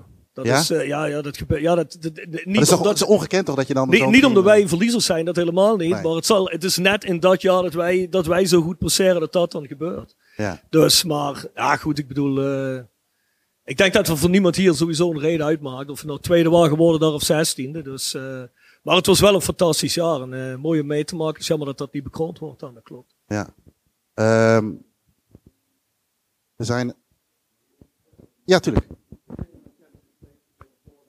Sorry. Ja. Helemaal goed. Gaan we, gaan we even rekening mee houden. Dat, eh, dat is een goeie. Eh, overigens, daarover, eh, we zijn inmiddels even een, eh, klein uurtje aan de gang, eh, Jim. Ik denk dat het eh, leuk is om even, even een korte pauze te houden. Maar voordat we dat doen, eh, Martijn. ehm, jij wou nog een boek aan iemand eh, uitreiken die hier vandaag ook aanwezig is. Eh, zal ik jou de microfoon even geven? Ja, ja nog een hele eh, kleine aanvulling. Want ik, hoor Rob, eh, of Rob Fransen moet ik zeggen, want eh, de achternaam eh, even erbij.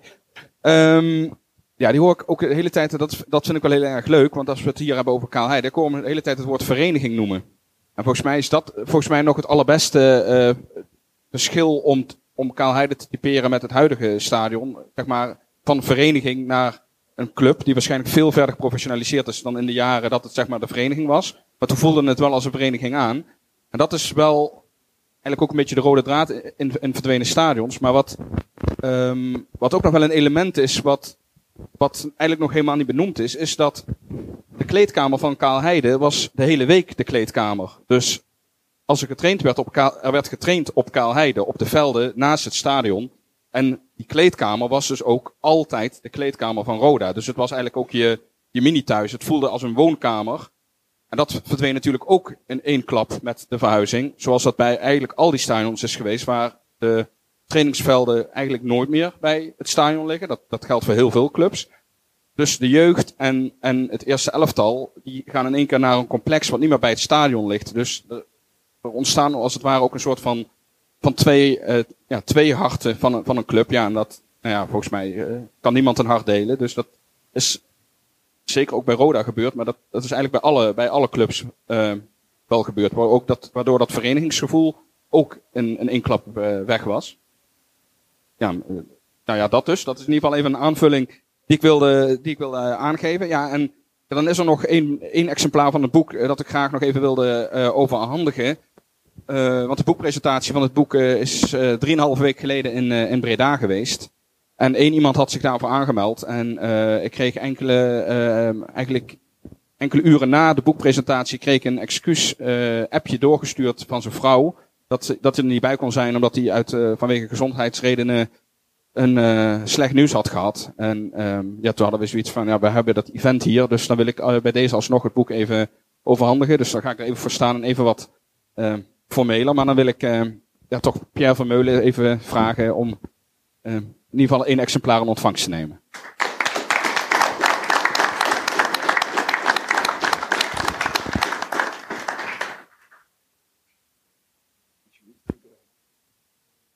Ja, want Pierre heb ik ook geïnterviewd voor het boek.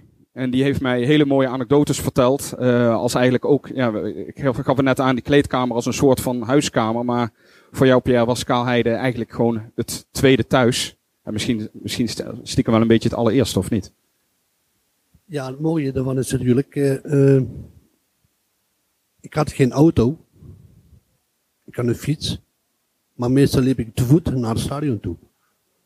Dus dan loop je van, uh, van thuis uit naar het uh, andere thuis gebeuren. En uh, dat was Roda.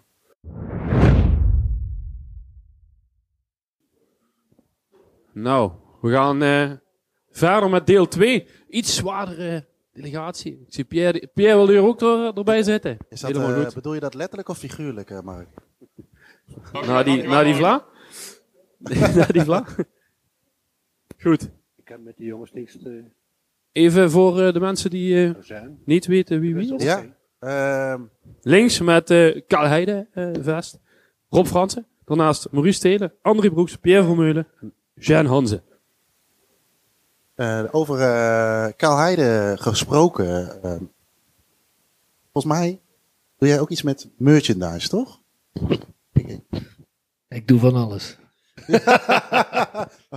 Maar kun, kun, je, kun je er iets over vertellen? Mark die liet van mij vanmiddag wat zien. En misschien zeggen de meeste mensen het wel. Maar dat heeft ook specifiek met Karl Heide te maken? Nou ja, weet je wat het is? We proberen gewoon uh, uh, als South 16. Ja, dat is gewoon een, een supportersinitiatief. Uh, proberen we ook een beetje merchandise op de markt te brengen die, die eigenlijk de voetbalvereniging zo niet doet. En ja. daarom proberen we ook een beetje de voetbalcultuur te eren en het verleden. Ja. En, en de streek. Dat is eigenlijk een beetje hè, waar we trots op zijn. Dus uh, dat proberen we daar ook een beetje op te vereeuwigen. En uh, ja, hopelijk, uh, hopelijk vindt, is iedereen er ook zo trots op dat hij zin heeft erin rond te lopen. Ja, want hoe, hoe, hoe valt het? Of hoe wordt het ontvangen? Nou goed. Ja? Ik ben vanmorgen 7 uur tot kwart voor zes bezig geweest ermee vandaag. Dus. Met inpakken en ja. versturen. Alles ja, voor kerst natuurlijk nog. Ja, ja, ja. Ja. En, en nee, maar volgens mij wordt het best goed ontvangen. En, uh, ja. ja. Maar dat is ook een beetje een labor of love. Hè. Dus uh, al zouden twee mensen het kopen, zouden we het ook, zouden we het ook doen. Dus ja. ik vind het gewoon leuk om te doen. Dus. En heb, heb, je dan nog wel eens een soort van tegenwerking vanuit, vanuit de club of vanuit andere hoeken? Je hebt natuurlijk niks met logo's of dat soort dingen waarschijnlijk. Nee, maar als Jonas Peters wil, mag hij erover komen vechten hoor. Dat is geen probleem. nee, nee, maar we gebruiken ook geen clublogos of zo. Nee, dus nee. dat niet. Dat was, dat is, dat was. Kijk ook even naar Mona, andere mensen hier. Dat was altijd de enige regel. Je mag de naam Rode JC niet gebruiken en de clublogo niet. Maar daar zijn wij ook eigenlijk helemaal niet van. We zijn een beetje van de cultuur en van alles wat er omheen hangt. We hebben ooit een uh, Dick Nanninga WK78 shirt gehad. Een Jan Hansen shirt. We hebben nu een, uh, een Nick Vossenbelt shirt waar hij met zijn biertje op staat. Dat hij ja. tegen Helmond drinkt. Dus dat zijn allemaal dat soort dingen. daar zijn wij meer van. We zijn niet zo van de logo's en van de, van de echte clubmerch of zo. Dat, dat mogen ze bij de fanshop doen. Oké. Okay. Um, over items en dingen gesproken. Uh, ik zag, het viel me op in de, in de, in de rust, in de pauze. Uh, mensen hier even langs liepen om even naar de ja, mooie attributen te kijken. Ehm, Dave, Mark, mag ik jullie eens vragen om. misschien is het wel leuk om even te kijken wat hier ligt. Kijk, voor mij is het niet helder, maar misschien hebben andere mensen ook wel een idee hierbij. Ja, laten we beginnen met dat wat hier naast me staat. En ik denk dat Maurice daar het allermooiste verhaal over heeft. daar, daar heb ik zeker nog ingang, ja. Het, uh, de, de, gele poort die daar staat. En uh, nou ja, hekken in het algemeen, dat was natuurlijk iets uh, van, van oude stadions. En ja. Ik heb het oude, ouderwetse verhaal met papa aan de hand op de Westtribune begonnen. En op een gegeven moment zie je dan van die mannetjes die rennen bij een doelpunt naar beneden. En dat was best ver opgeleiden. dus dat ben ik ook gaan doen. Ehm, ik kan een wedstrijd herinneren op de Oosttribune stond en dat Michel Broeders tegen PSV 2-0 scoorde. En dat was een redelijk kritische fase dat Roda nog in de problemen kon komen om te degraderen. Nou, dat was, uh, de, tranen sprongen me in de ogen, maar je rent die tribune af, uh, die grote betonblokken, uh, om uiteindelijk in een hek te belanden dat nog steeds 40 meter van het veld af lag. Ongeveer. en uiteindelijk verhuis je naar, naar de Noordtribune. En de eerste wedstrijd daar was, Martijn zal het niet leuk vinden, was tegen Fortuna. En dan mocht je de, de Noordtribune open omdat het regende. En dan gingen die hekken open. En dat was in 93. En we winnen die wedstrijd met 4-1. En ik, ik, ik ging dus als ventje van een jaar of 15 uh, die kant op. Uh, en dan stond je, dan wurmde je in het midden-noord uh, tussen dat publiek in. En dat ging als een golf, viel dat naar beneden op het moment dat een doelpunt viel. En ik hoop dat veel mensen dat nog herkennen. Um, en dan uiteindelijk hoopte hij in het hek te belanden. En dat gebeurde heel vaak. Uh, gelukkig in de, in de tijd van, uh, van Kalleheide, midden jaren 90. Uh, maar ook de laatste wedstrijd van het seizoen hadden we wel eens de neiging om over het hek te klimmen en het veld op te gaan. Um, en daar was de club niet zo blij mee. Dus na, een, een aantal keren dat dat gebeurd was, en ik was toen bij, bij het FAM-project, een van de, sportsverenigingen, zat ik in het bestuur en toen zei de veiligheidscoördinator tegen mij van tevoren, Maurice jongen, ik, uh, we zijn klaar met dat gedoe dat iedereen het veld opkomt, uh, net voordat de wedstrijd is afgelopen. Uh, maar ik kan jou de sleutel van die poort geven. Als jij mij garandeert dat niemand voor het einde van de wedstrijd het veld opkomt. en zo geschieden. kun je het je nu nog voorstellen dat je de sleutel krijgt om het veld op te lopen? Maar ehm, we hielden dus iedereen onder controle tot dat laatste fluitsignaal. En toen ging netjes met de sleutel die gele poort open. Ja. En uh, konden we alsnog het veld opstromen. Het klinkt al bijna commercieel, maar op dat moment was dat een hele mooie deal om, om legaal zonder stadionverbod toch het veld op te ja. kunnen. En, en heren voetballers, hoe vaak hebben jullie aan de andere kant van het hek gehangen? Want je, moet dan een, je maakt een doelpunt, je moet een stukje lopen. André? ik maakte op de eerste plaats niet zoveel doelpunten. maar dan kun je nog wel hangen, hè? En als, en als ik gescoord ging ik ook niet in het hek hangen. Dat deed ik niet. Nee, dat, nee, dat liet ik aan de, ja, die de aanvallers doen. Dat, Ja. ik, ik denk niet dat er veel van die verdedigende mensen zijn die dat doen. Ja, je, gaat, je rent wel eens een gek, maar meestal ren je dan terug naar... eh, ik probeerde altijd terug te rennen naar de veilige haven. Dat ging dan toch meestal richting eh John Vijver of naar eh Hent Fischer. Want eh, ja, dat zag ik toch wel als, eh, als mensen die, je- die je vormen. En die je ook, eh, ook eh, ja, op het pad hielden. Want als je eens een keer een goede wedstrijd had gespeeld, dan, eh, eh, dan zeiden ze dat ook. Maar op een normale manier. Hè. Dan was er toch altijd nog wel iets wat je kon verbeteren of weet ik wat. Want die mensen waren steeds bezig met, eh, met ons als jeugd. We hadden, niet, ja, we hadden wel jeugd. Maar in die tijd had je gewoon in ons elftal, zeg maar 16 man. En dan waren er ja, 13, 13 uit Kerkrade en omgeving. Ja. En dat was natuurlijk het, het ding. is. Dus ja, ik heb er eens een keer twee tegen Feyenoord gemaakt. Ja, toen we 4-2 hebben gewonnen, was natuurlijk wel leuk. Hè? Maar ook toen hebben ze me niet hoeven te zoeken. Nee. Ik ben gewoon toch in het stadion gebleven. Ja, maar het leuke ervan, ik werd gewisseld in de rust. Dus stonden we Dat, dat was het. 2-0, 2-0, 2-0, ja. Dus, eh dat wordt goed gezien. En eh, ja, hè. Hey, en, en, en Mark, dat hek, eh, wat, wat voor doel gaat dat? eh, Ja, dat hek. Kijk, we hebben natuurlijk allemaal wel gezien wat er eh, met Kalheide gebeurde is de afgelopen dagen, hè, eh, afgelopen week. En ehm, die hekken die werden in de zomer ineens verwijderd. En eh, gelukkig eh, die mannen van, eh, van, van de werkgroep Odyssey Club Historia, daar zitten Dave en, en Pascal dan eh, hiervan. Maar daar hoort Ivo net zo goed bij en, eh, en Rick. En eh, ja, die hebben met de gemeente kunnen schakelen en in ieder geval eh, een aantal van die poorten eh, kunnen behouden. Dus ja, die, die staan nu in het tijdelijke Rode, Museum, Rode GC Museum. Ja. En uiteindelijk moeten die een hele mooie plek krijgen. En het is al ja, belangrijk dat ze niet verdwenen zijn. Zoals met heel veel andere zaken in het verleden wel gebeurd is natuurlijk. ja, maar wat zijn er nog andere attributen waarvan jullie nu zeggen, oh, we zijn blij dat we die gered hebben? Ja, is misschien een heel stom voorbeeld. Hè? Dit is de, de, de, ja, de lamp zelf. Ja, de fitting. Ehm, maar dat wat er omheen zat, zeg maar. Ja. daar zijn er twee of drie van. Waarvan er twee in het museum. Volgens mij eentje bij de penningmeester van het ventproject thuis. Prima. Gelukkig is die bewaar, zijn die bewaard gebleven. Maar die werden ook in één keer neergehaald. Die hebben ze maanden laten liggen en in één keer weg. Naar, naar de sloop gebracht, noem maar op. Ja, ongelooflijk. Ehm, die stoeltjes wat hier voor liggen, Ja. die eh, zijn geplaatst bij de wedstrijd tegen uh, Europacup wedstrijd. Tegen Shakhtar Donetsk en Wolfsburg. En toen was het zo dat, ja, je ziet het op de foto, op de eh, tribunes achter het doel, eh, daar waren geen stoeltjes. Nee. Op last van de UEFA moest dat gebeuren. En ehm daar in de tussentijd zijn er ook nog een aantal eh, ehm, competitiewedstrijden gespeeld. Maar toen hadden we eigenlijk toen een, een, ja, alle tribunes voorzien van eh, stoeltjes. Een zittribune. Ook op de, op de Noord waren toen ook eh, stoeltjes geplaatst. Daar ging natuurlijk niet iedereen zitten. Dat kun je wel begrijpen. Maar ik heb die stoeltjes toen ehm, ja, wel gevraagd of ik die mocht hebben. En toen werd er een beetje gelachen nog. Van, ja, wat moet je daar in godsnaam mee? Ja. Je schatte de waarde eigenlijk al wel goed in. Ja, Want dat kan goed. iets historisch zijn ook. Ja. Hè, Een stukje geschiedenis. Kijk, ja, iemand van ons en nog meerdere jongens die hier zitten, ja, die hebben dat gelukkig wel. En gelukkig is het ook allemaal bewaard gebleven.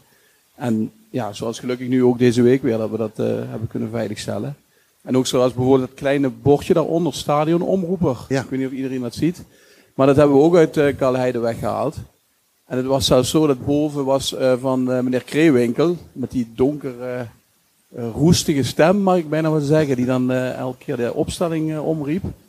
Ehm, dat hebben we daar weggehaald. Daar stond ehm, de ouderwetse microfoon. Daar stond een groene asbak van brandbier. En daar zat een sigarenpeuk in. Nou, meneer Kreewinkel rookte sigarenpeuk en rookte sigaren. Dus we denken dat hij daar al die jaren heeft gelegen. Ja. En, nou, dat eh, is zo bij deze, toch? laten we gaan zo. En bij deze inderdaad, eh, dat was voor hem. Dus dat hebben we ook meegenomen. En ja, dat hopen we dat nog steeds dat het ooit een eh, hele mooie plek heeft eh, in het stadion. En zijn er ook dingen die, eh, waarvan je al weet die verloren gaan zijn, waarvan je denkt van oei, dat is pijnlijk?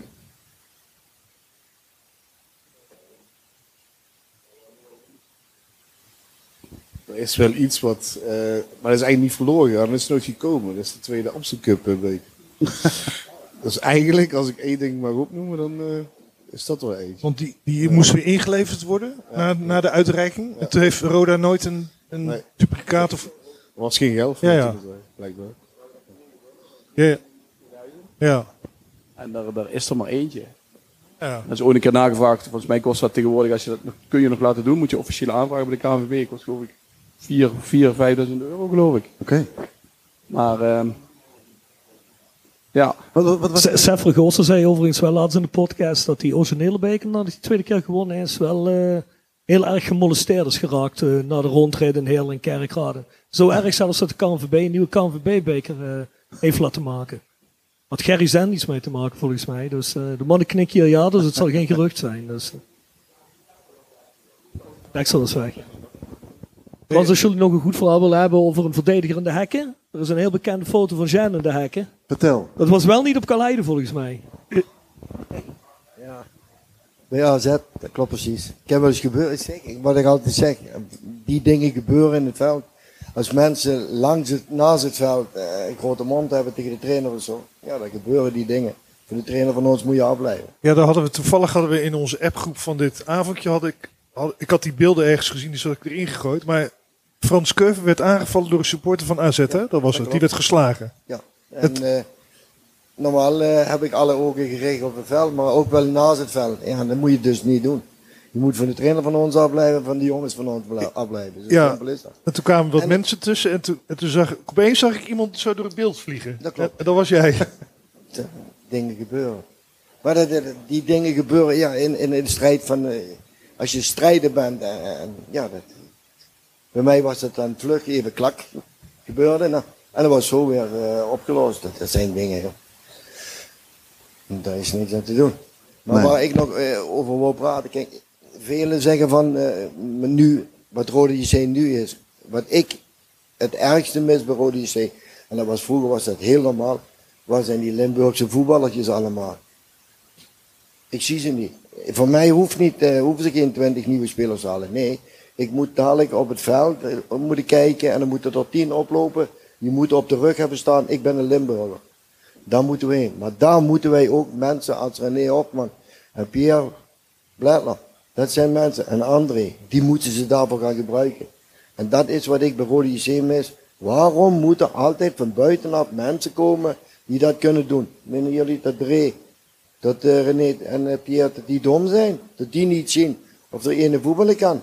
Die zitten naar de wedstrijd te kijken en zeggen na 10 minuten, die kun je gebruiken en die kun je gebruiken en die de andere 9 kun je wegschieten. Zo simpel is het. Dat heb je of dat heb je niet. Maar er wordt bij Roda wordt daar niks mee gedaan. En dat is erg. Ja, dat doet pijn.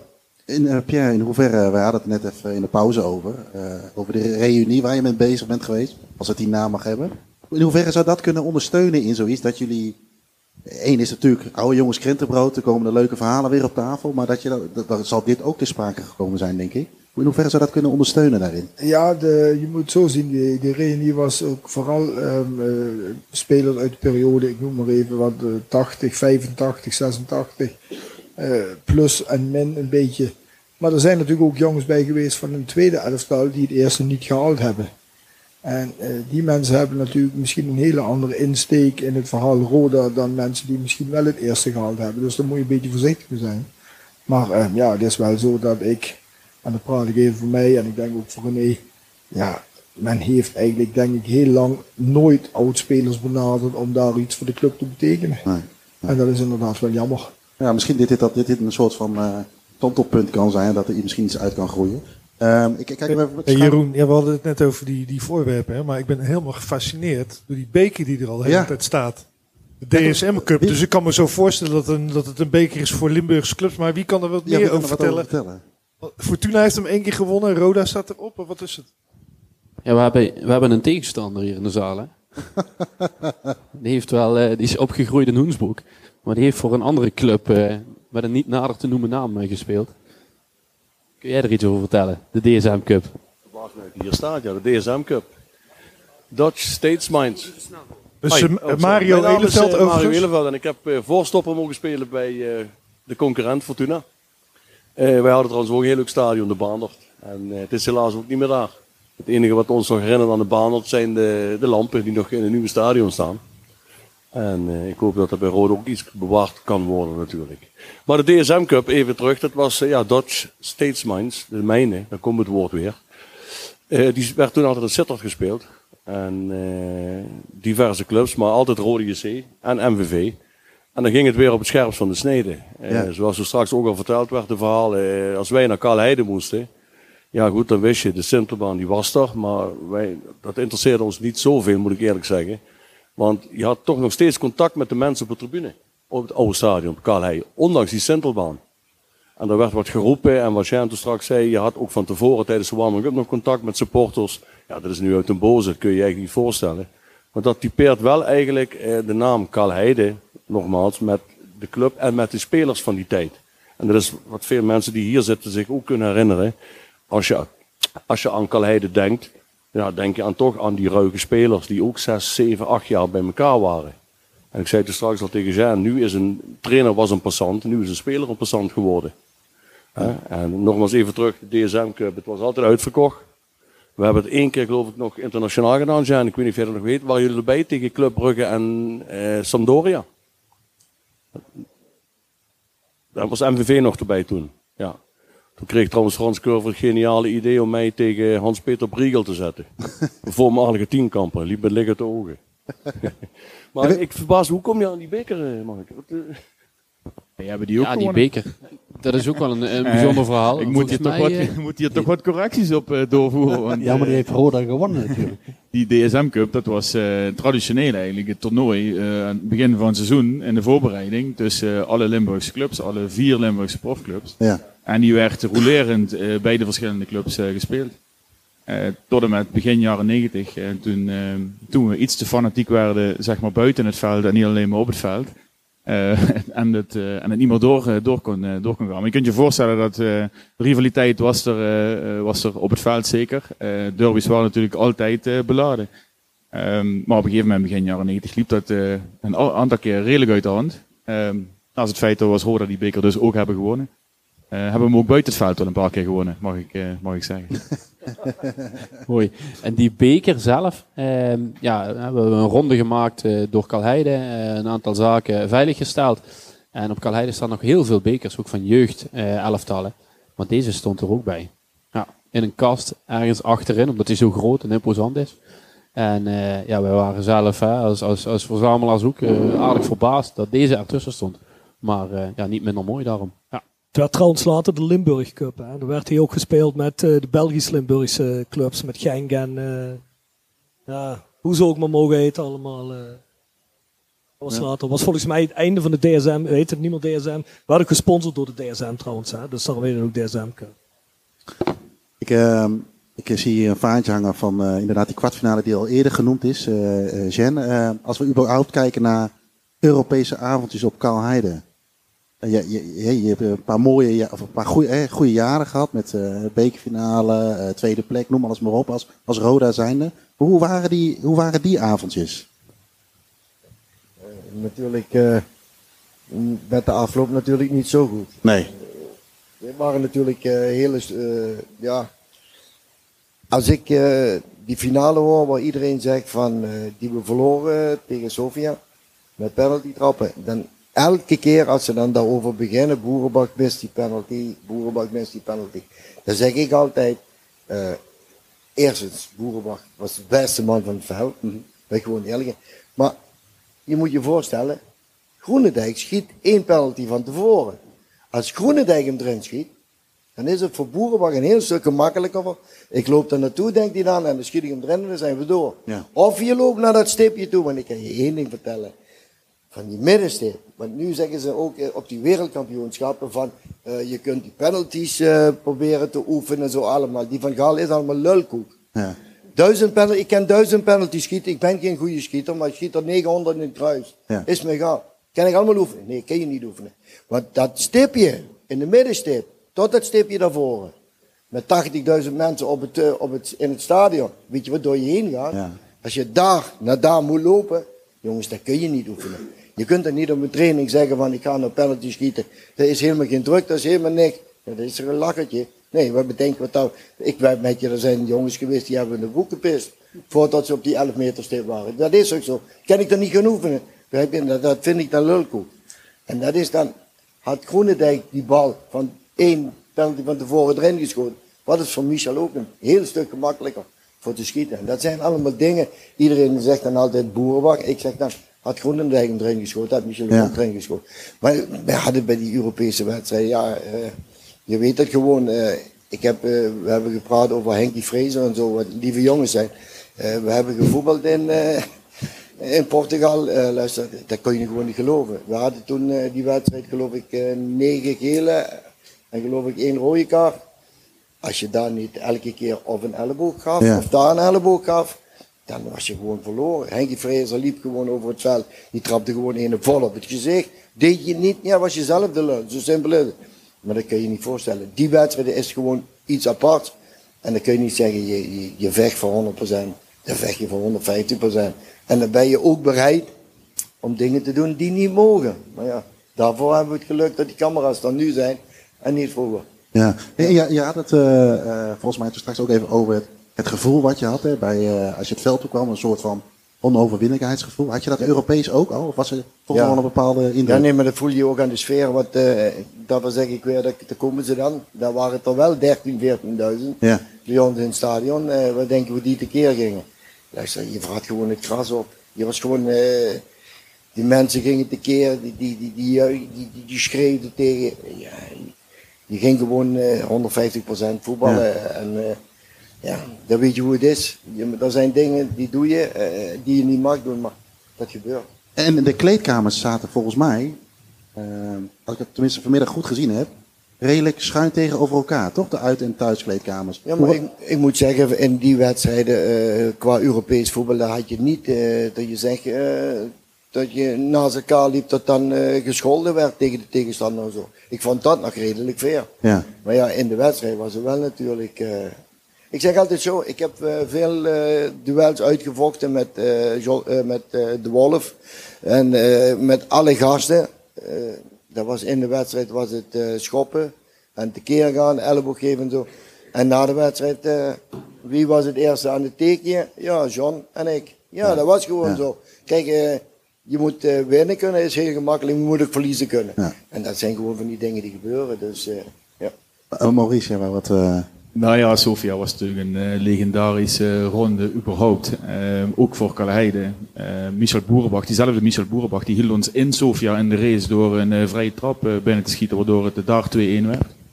Ehm, en in die wedstrijd, dat was volgens mij de wedstrijd waarin we eh, één rode kaart op het veld en volgens mij negen gele kaarten kregen. Maar ook Jan Reker kreeg een rode kaart.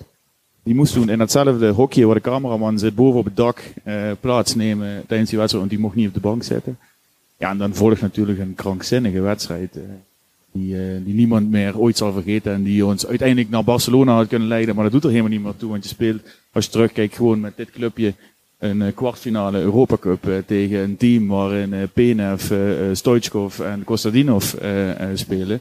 En dan kwamen we met deze mannen, met deze fantastische mannen het veld op. Ja. ik was een ventje van 12 jaar en, dat- en dat vergeet je never, nooit meer. Eh, legendarisch. Reke heeft Ja, dat boekje ook in, de, net zeggen. in, de, in de vuilnisbak gegooid, hè, na die wedstrijd. Ja, Hij had een- echt een bountyboekje. Ja, Ja. ja.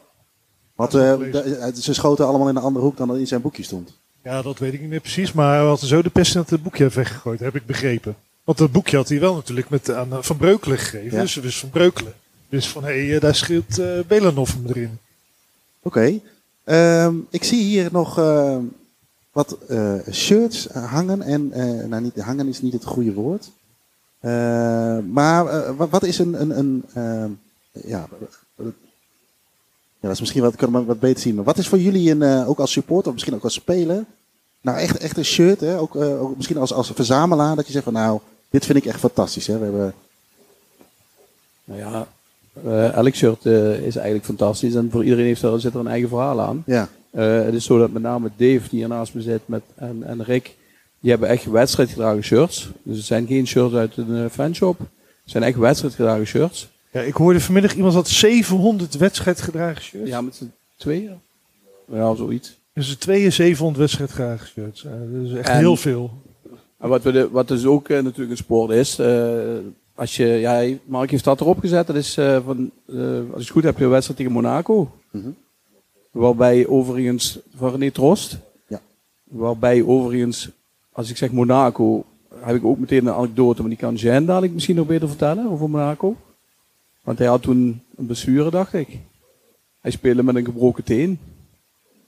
Spuitje erin en, en door. Tegen George Weah onder andere. Klopt? Jen? Ja, ik heb, eh, ik heb wel eens vaker gekoppeld met eh blessure, wat eigenlijk eh, niet normaal was. Maar ja, daarvoor heb ik ook laatst in een interview gezegd, hoe dom kan man zijn om het te doen?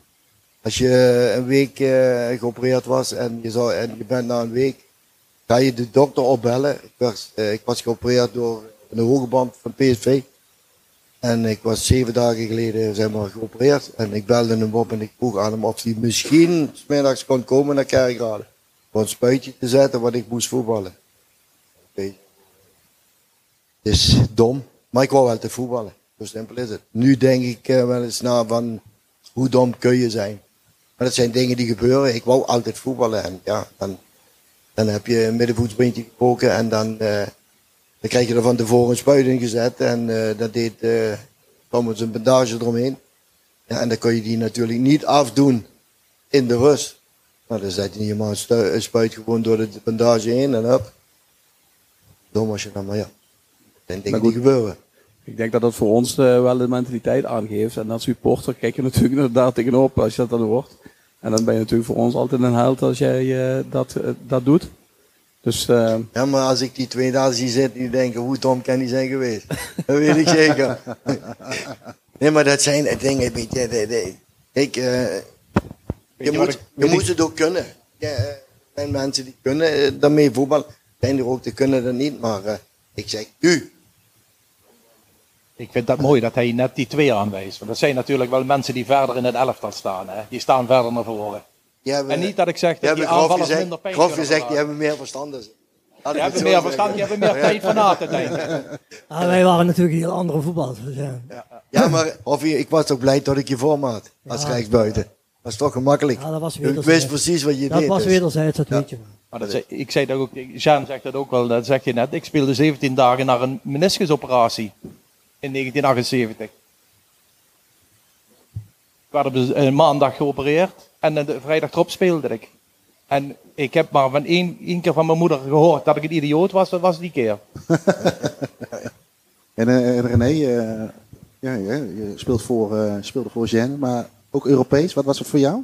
Ja, die wedstrijd, tegen, die wedstrijd tegen Monaco uit, die kan me nog herinneren, want toen viel ik uit met een hoofdwond. Want ik had eh, een kopstoel, of eh, met de koppen tegen elkaar met uh, George Weah. En toen moest ik eh, gehecht worden. En volgens mij was toen de dokter van Mierlo, Maar die had geen verdovingsspuiten. Volgens mij heeft hij me zo gehecht, die fixer.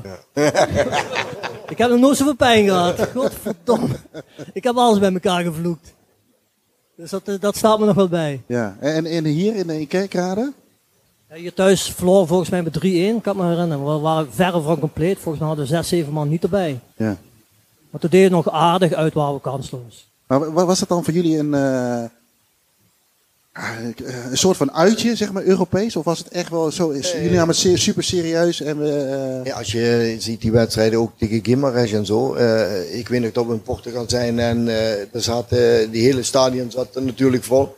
Van ons was er bijna niemand. En eh, als je dan zag, dan kwam je, kwam je, up, kwam je bij hem langs de, de pendaal, hè, maar dus langs de, de bak waar alles in lag.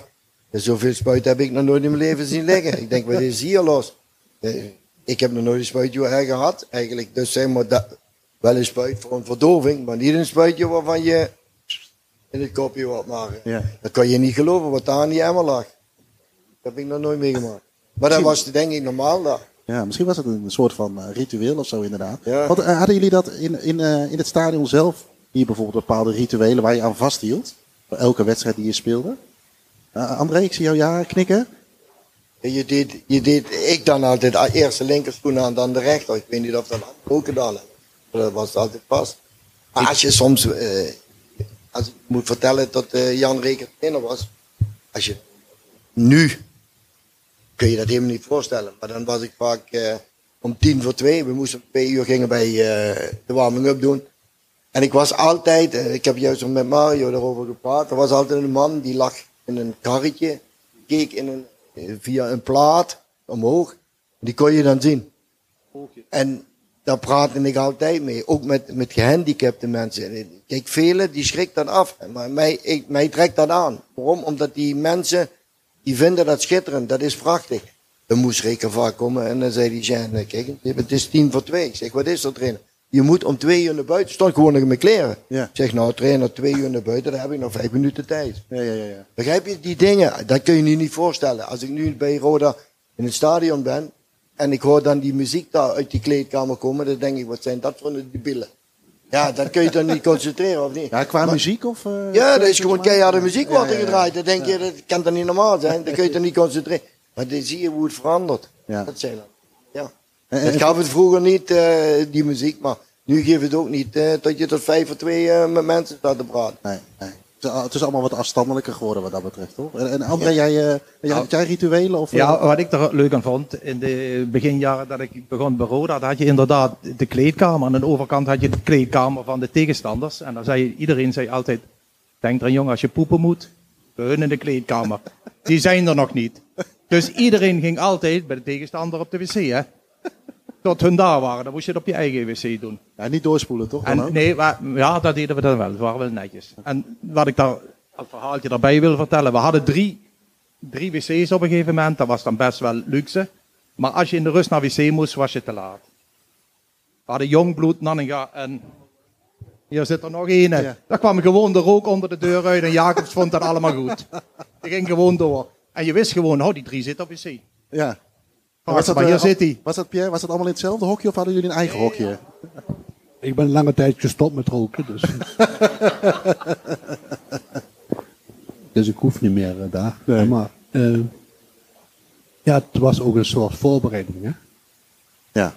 Ook weer een andere tijd, hè? Dus Dat, ja, we zaten bij elkaar en eh, ja, we gingen ook altijd nummer 1, nummer 2, nummer 3. Ja. Meest scorende de eerste, dat was Dick. Ja. Ja, en zo ging dat. André. en voor, voor jullie als supporters, hè, ik, Ja. ik kan voor mezelf bijvoorbeeld spreken dat ik altijd hetzelfde poortje binnen ga. Het is bijgeloof om niks, want het helpt natuurlijk helemaal niks. Hetzelfde als iedereen aan eh, God vraagt, help me deze wedstrijd. Maar hadden jullie als supporter ook een bepaald ritueel? Nou, dat veranderde in de loop eh, der jaren. Eh, toen ik eh, nog heel jong was, tussen de, de 13 en, en, en, en 16 denk ik. ehm, toen had ik een hele reeks van vlaggen, al dan niet zelf geproduceerd. En dan moest je op tijd zijn om die Noordtribune op te komen, om die, die vlaggen op een goede plek op te hangen. Dus dan stond je een half uur, anderhalf uur, twee uur voor de wedstrijd met de wasknijpers je, je Roda-vlaggen op te hangen. Ja. Ehm, ja, ander ritueel later was het zo laat mogelijk binnenkomen op Calheido. Om heel eerlijk te zijn, want je kreeg geen fatsoenlijk bier. Dus dan zaten we in de kroeg een straatje verderop. En dan eh, kwam je één minuut voordat de wedstrijd begon. En ik mag wel zo arrogant zijn om te zeggen dat er voor ons plaats gemaakt werd als we eh, met een groep eh, binnenkwamen lopen om ons vaste stekje in te nemen. Dat waren de rituelen. En voor, jou, Rob? Ah, kan ik heel snel zijn? Ik had er geen. Geen? Nee. Dat, dat was het ritueel, dat je geen ritueel Nee, had. geen ritueel eigenlijk. Nee. nee, altijd dezelfde route lopen, wel eh, met vrienden naar het stadion. Ja. Vanuit de buurt, eh één buurt verder, maar dat was het zo'n beetje. Oké. Eh, ik, zit- ik zit ook even naar de tijd te kijken. Mark, eh, wanneer moeten wij eigenlijk de boel hier sluiten? Ja, ik denk dat we langzaam de blessuretijd ingaan. Ja, want eerder wil ik eigenlijk nog eventjes kort de mensen de gelegenheid geven om eventueel vragen te stellen aan, eh, aan onze gasten. Eh, ik weet niet of er mensen in de zaal zijn die eh, wellicht wat, eh, wat willen vragen aan een van de heren die hier zitten. Niet allemaal tegelijk natuurlijk. Dus dan hebben we eigenlijk nog blessuretijd over. Nou, ik, heb nog wel een vraag voor, eh voor Jean. Want je, kijk, jij bent natuurlijk echte Roda-man, echte clubman. Dat is echt helemaal duidelijk, zeg maar. Vroeger had ik altijd een voorliefde voor spelers hè, die echt de beuk erin gooien. Maakt niet uit welke club.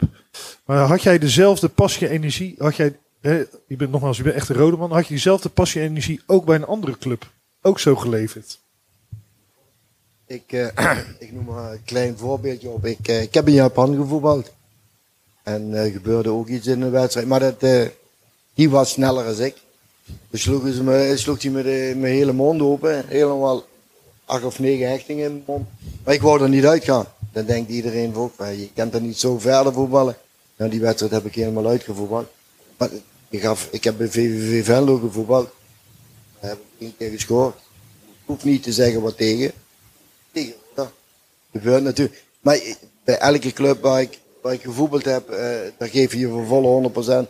En, maar ik ken ook, het is zelfs zo, eh, als ik een spelletje, als ik een spelletje doe, wil ik winnen. Dat is ook met voetballen zo. Ik wil altijd winnen. Maar niet op, in, vroeger was dat, dat onder alle omstandigheden. Nu, met de kleinkinderen is het wat rustiger. Ik ben iets rustiger. Man bent.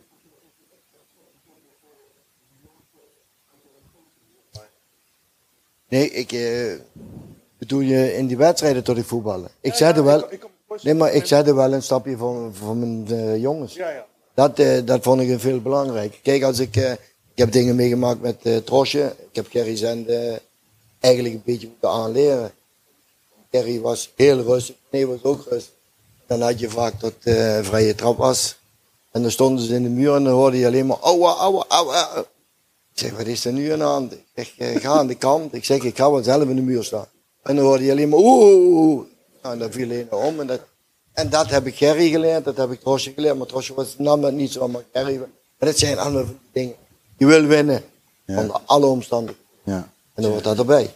Ja, speelde eh, anderhalf jaar geleden met, eh met Oud-Roda tegen de, de jeugdtrainers van FC Kerkrade En ik sprak hem eh, voor, de, voor de wedstrijd en ik mocht als een van de jeugdtrainers meedoen. En wij hadden als trainers zo van, nou, ik ben blij als ik eh, 20 minuten volmaak, misschien 10.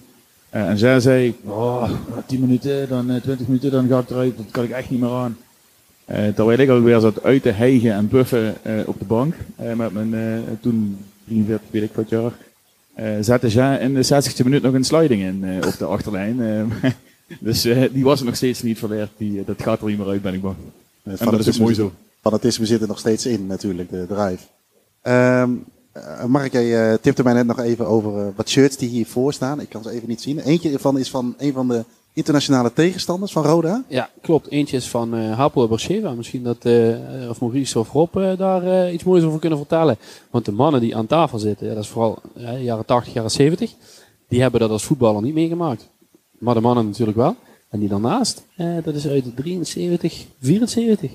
Daar is, dat is van Henk Witjes, hè, die woont tegenwoordig in Indonesië. Thailand, Indonesië. En daar heeft André ook nog in gevoetbald. En daar was, misschien kunnen we daarmee beginnen. Ehm, Ja, dat weet ik niet. Dat is inderdaad eh, de aanloop dat we naar de Eredivisie in zijn gekomen in 1973. Daar zijn we gepromoveerd eh, vanuit de Eerste Divisie. En Henk was ook zo een jongen van Heiles. Die kwam van de Heiles, dus van eh, heel kort het stadion. Die, die kwam dus ook te voet. Nou, dat is Pierre Vermeulen, 200 meter. Nee, dat, dat was echt een, een, een We gaan binnenkort lopen, André. ja, we gaan binnenkort lopen. Maar dat was een, eh, een, echt een, een leuke gast. En dat was echt de tijd dat je Hans Kodrich had. En eh, mensen die de meeste mensen helemaal niet, eh, niet op de radar hebben. Een Willy Kolen. We werden in die tijd dat we kampioen zijn in 374. Dat speelde Henk niet. En ik had toen in die tijd had ik een hele goede vriend. Dat was Pierre Bouvry, die speelde ook niet. Was een hele begaafde linksbuiten. Maar ja, de trainer zag het niet in hem zitten. Dat kan ook gebeuren. En uh, ja, is eigenlijk de tijd uh, dat ik zelf voor de eerste keer op het eerste elftal in een langere tijd kwam. En dat, ja, daar hoort ook eigenlijk een kleine anekdote bij. Ik was rechtsbuiten van nature. En ik geloof niet dat ik voor 1973 één keer op mijn eigen helft ben geweest, alleen voor af te trappen. Dus zover ging ik niet terug, ik bleef gewoon voor. En uh, wij gingen naar Helmensport met, met Roda 1. Ik was reserve voor de aanval. En uh, Paul Flippens kreeg een blessure. Uh, John Pfeiffer was al ziek. En, en ja, we hadden als trainer uh, Hollink in die tijd. En op een gegeven moment komt niet meneer Hollink, dan moest er eentje invallen. Dan komt Hans Fischer. Hé, hey, bedzeker. Ja, pinstofleier, bedzeker, dat soort dingen. Ja. Is geen back, doe steeds back. Twee keer, twee keer aangekeken. Ik denk, zag niks, huid ik hem dadelijk, dat is voorbij. Maar ja, moest ik backspelen. Hij had, hij had niks anders. Dan zei hij, het enige wat hij zei is, verhelpen dich.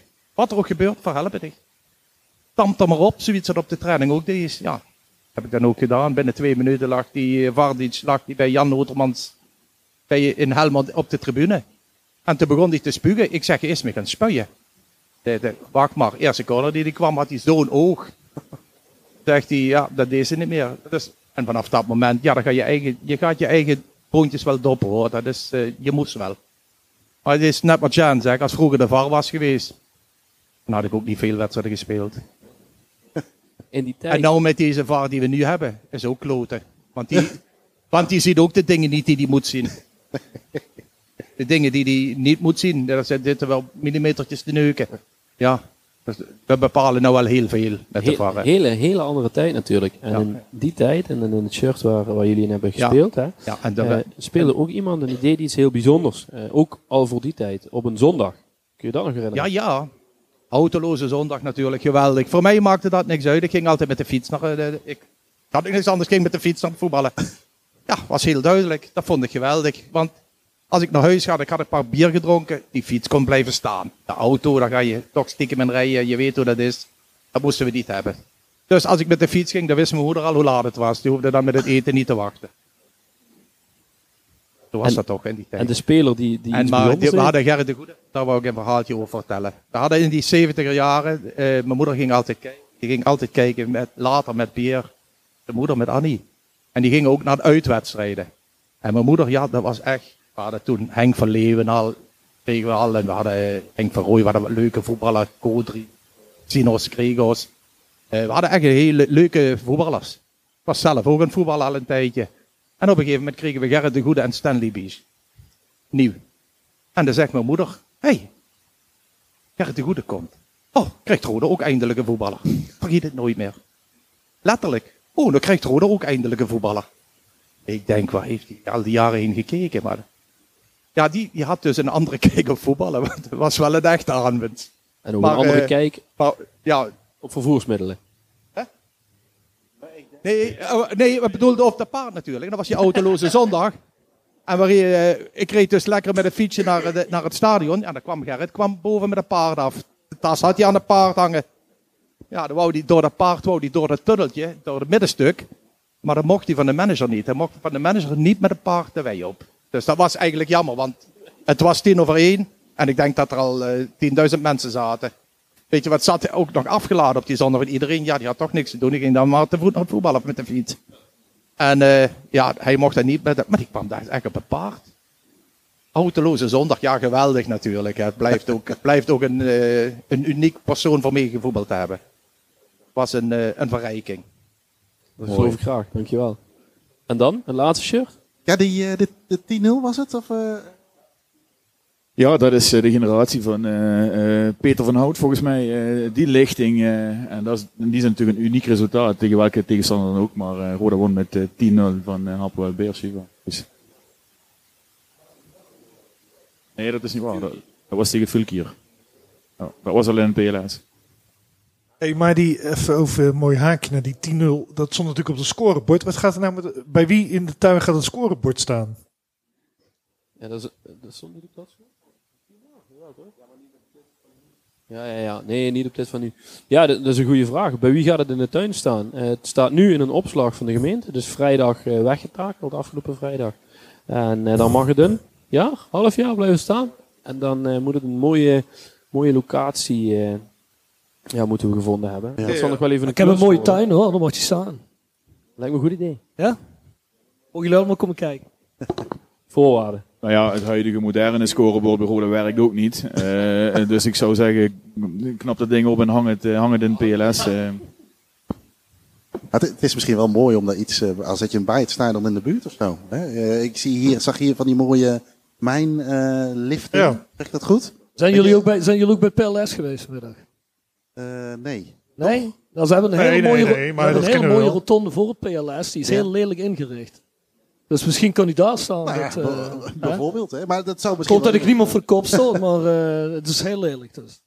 Oké, ehm, het is inmiddels eh 9 uur. Eh, ik denk dat we op zich eh, nog best wel een uur door zouden kunnen gaan met eh, het op oprakelen van verhalen. Eh, maar ehm, Martijn moet nog signeren natuurlijk. ook dus, dat eh, nog. ja, hè, die, ja. heeft zijn hele- die heeft zijn eh, rechterhand goed getraind. Of Ja. nee, links. Links, sorry, hoor ik net. Ehm, ja, waar zullen we eventjes eh, beginnen, Jim? Ehm, in ieder geval iedereen bedankt voor de komst. eh, om naar deze verhalen van, eh, van de heren te luisteren. Eh, uiteraard ook eh, eh, de ruimte die eh, beschikbaar is gesteld. Eh, Mark voor eh, grotendeels in ieder geval de- als initiatiefnemer voor het eh, organiseren van, eh, van dit evenement. Eh, en eh, ja, Martijn, uiteraard. Eh, en natuurlijk ook eh, de gasten. Bedankt voor jullie eh, komst en eh, mooie anekdotes. En ik, ik hoop eigenlijk, eh, en ik denk dat ik ook namens- jou spreek, Jim, dat iedereen een, eh, een leuke avond heeft gehad. En eh, ja. Veel succes met veel- Roda natuurlijk. Ja, veel succes met Roda, Ja. inderdaad. En bedankt, nogmaals. Dankjewel. Dan zou ik graag de mannen hier aan tafel eh, nog heel kort willen bedanken. En Dave pakt me er al bij. Eh, dit is het shirt, eh, het enige shirt dat we hebben van Dick. Een heel bijzonder shirt in de, in de collectie. En eh, Frank die heeft er ook een eh, shirt van, van aan. Helemaal goed. Ehm, er is een... eh, wil je een vraag stellen?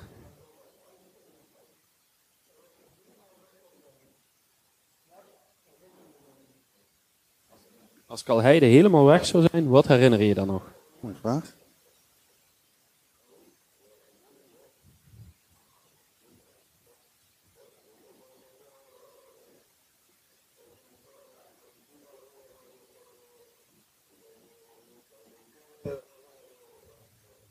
Denk dat hij eh, het meeste uit zijn carrière heeft gehaald. En dat doelpunt tegen Argentinië, ik denk dat dat eh, ja, in mijn ogen herinner me hem, het meester van Rode JC. Maar je hebt zoveel eh, vrienden gemaakt dan, maar ik was ook iemand, een heel apart figuur. Als je bijvoorbeeld, wij, we hadden altijd maandags, was bij ons normaal, oud tegen jong. Daarna ging je naar de sauna en daarna ging je op stap. Dan was het, nee, was op maandags, dan was het gewoon 4, 5 uur en dan eh, 's morgens, eh, dinsdags moest je dan trainen en dan eh, stond je, ik dan in ieder geval, zo bezopen maar wat op voetbalveld. En dan was je het voetballen en dan was je bijvoorbeeld niet meegegaan met ons. We waren met de mannenvraag altijd. En dan had je een grote mond en dan kwam Dikkie en die zei die van, hé hey jong, hou je bek dicht tegen. Jij was vannacht niet erbij. Hij was vannacht om vijf uur nog bij ons. Ja, en toen was Dikkie, was altijd, stond altijd voor je klaar. Altijd. Echt een vaderfiguur. Schitterende gozer.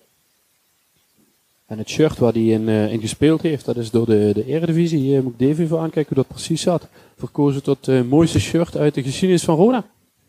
Eh, supporters konden natuurlijk eh, kiezen. En hij heeft dit wel de thuisvariant van eh, gekozen als mooiste shirt ooit voor Roda. En jullie hebben er dan eh, een replica ervan gemaakt.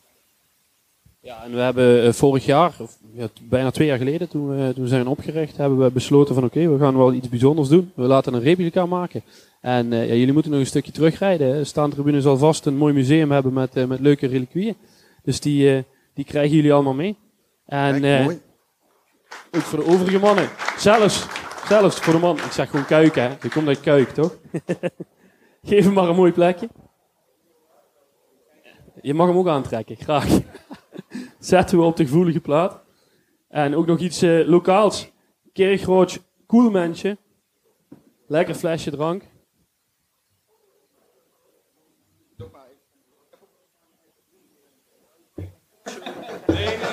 Fortuna-shirt. Fortuna-shirt.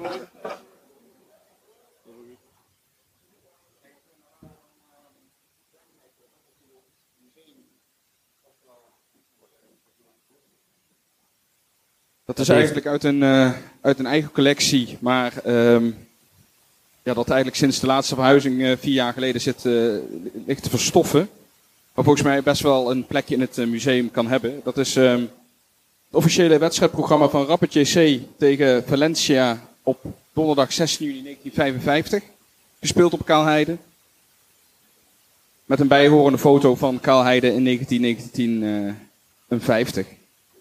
Dus iets voor jullie voor in het museum. En ik hoop eigenlijk ook, omdat ik ook weet hoe het bij andere clubs kan, ehm, dat het museum van jullie, want ik ben er natuurlijk geweest om jullie ook te interviewen voor het boek, ook heel snel een plekje krijgt in het uh, Parkstad Limburg Stadion. Want volgens mij is dat waar, uh, waar dat museum thuis wordt, zodat iedereen kan genieten van de cultuur van Roda.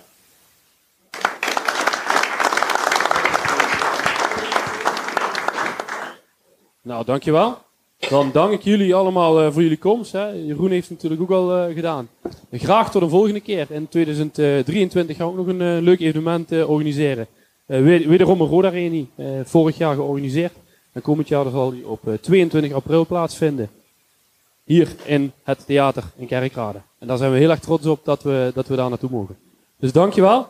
Graag tot een volgende keer. Maak er nog een fijne avond van. En kom het, het jaar goed uit. Fijne dagen. Dankjewel. 我的眼光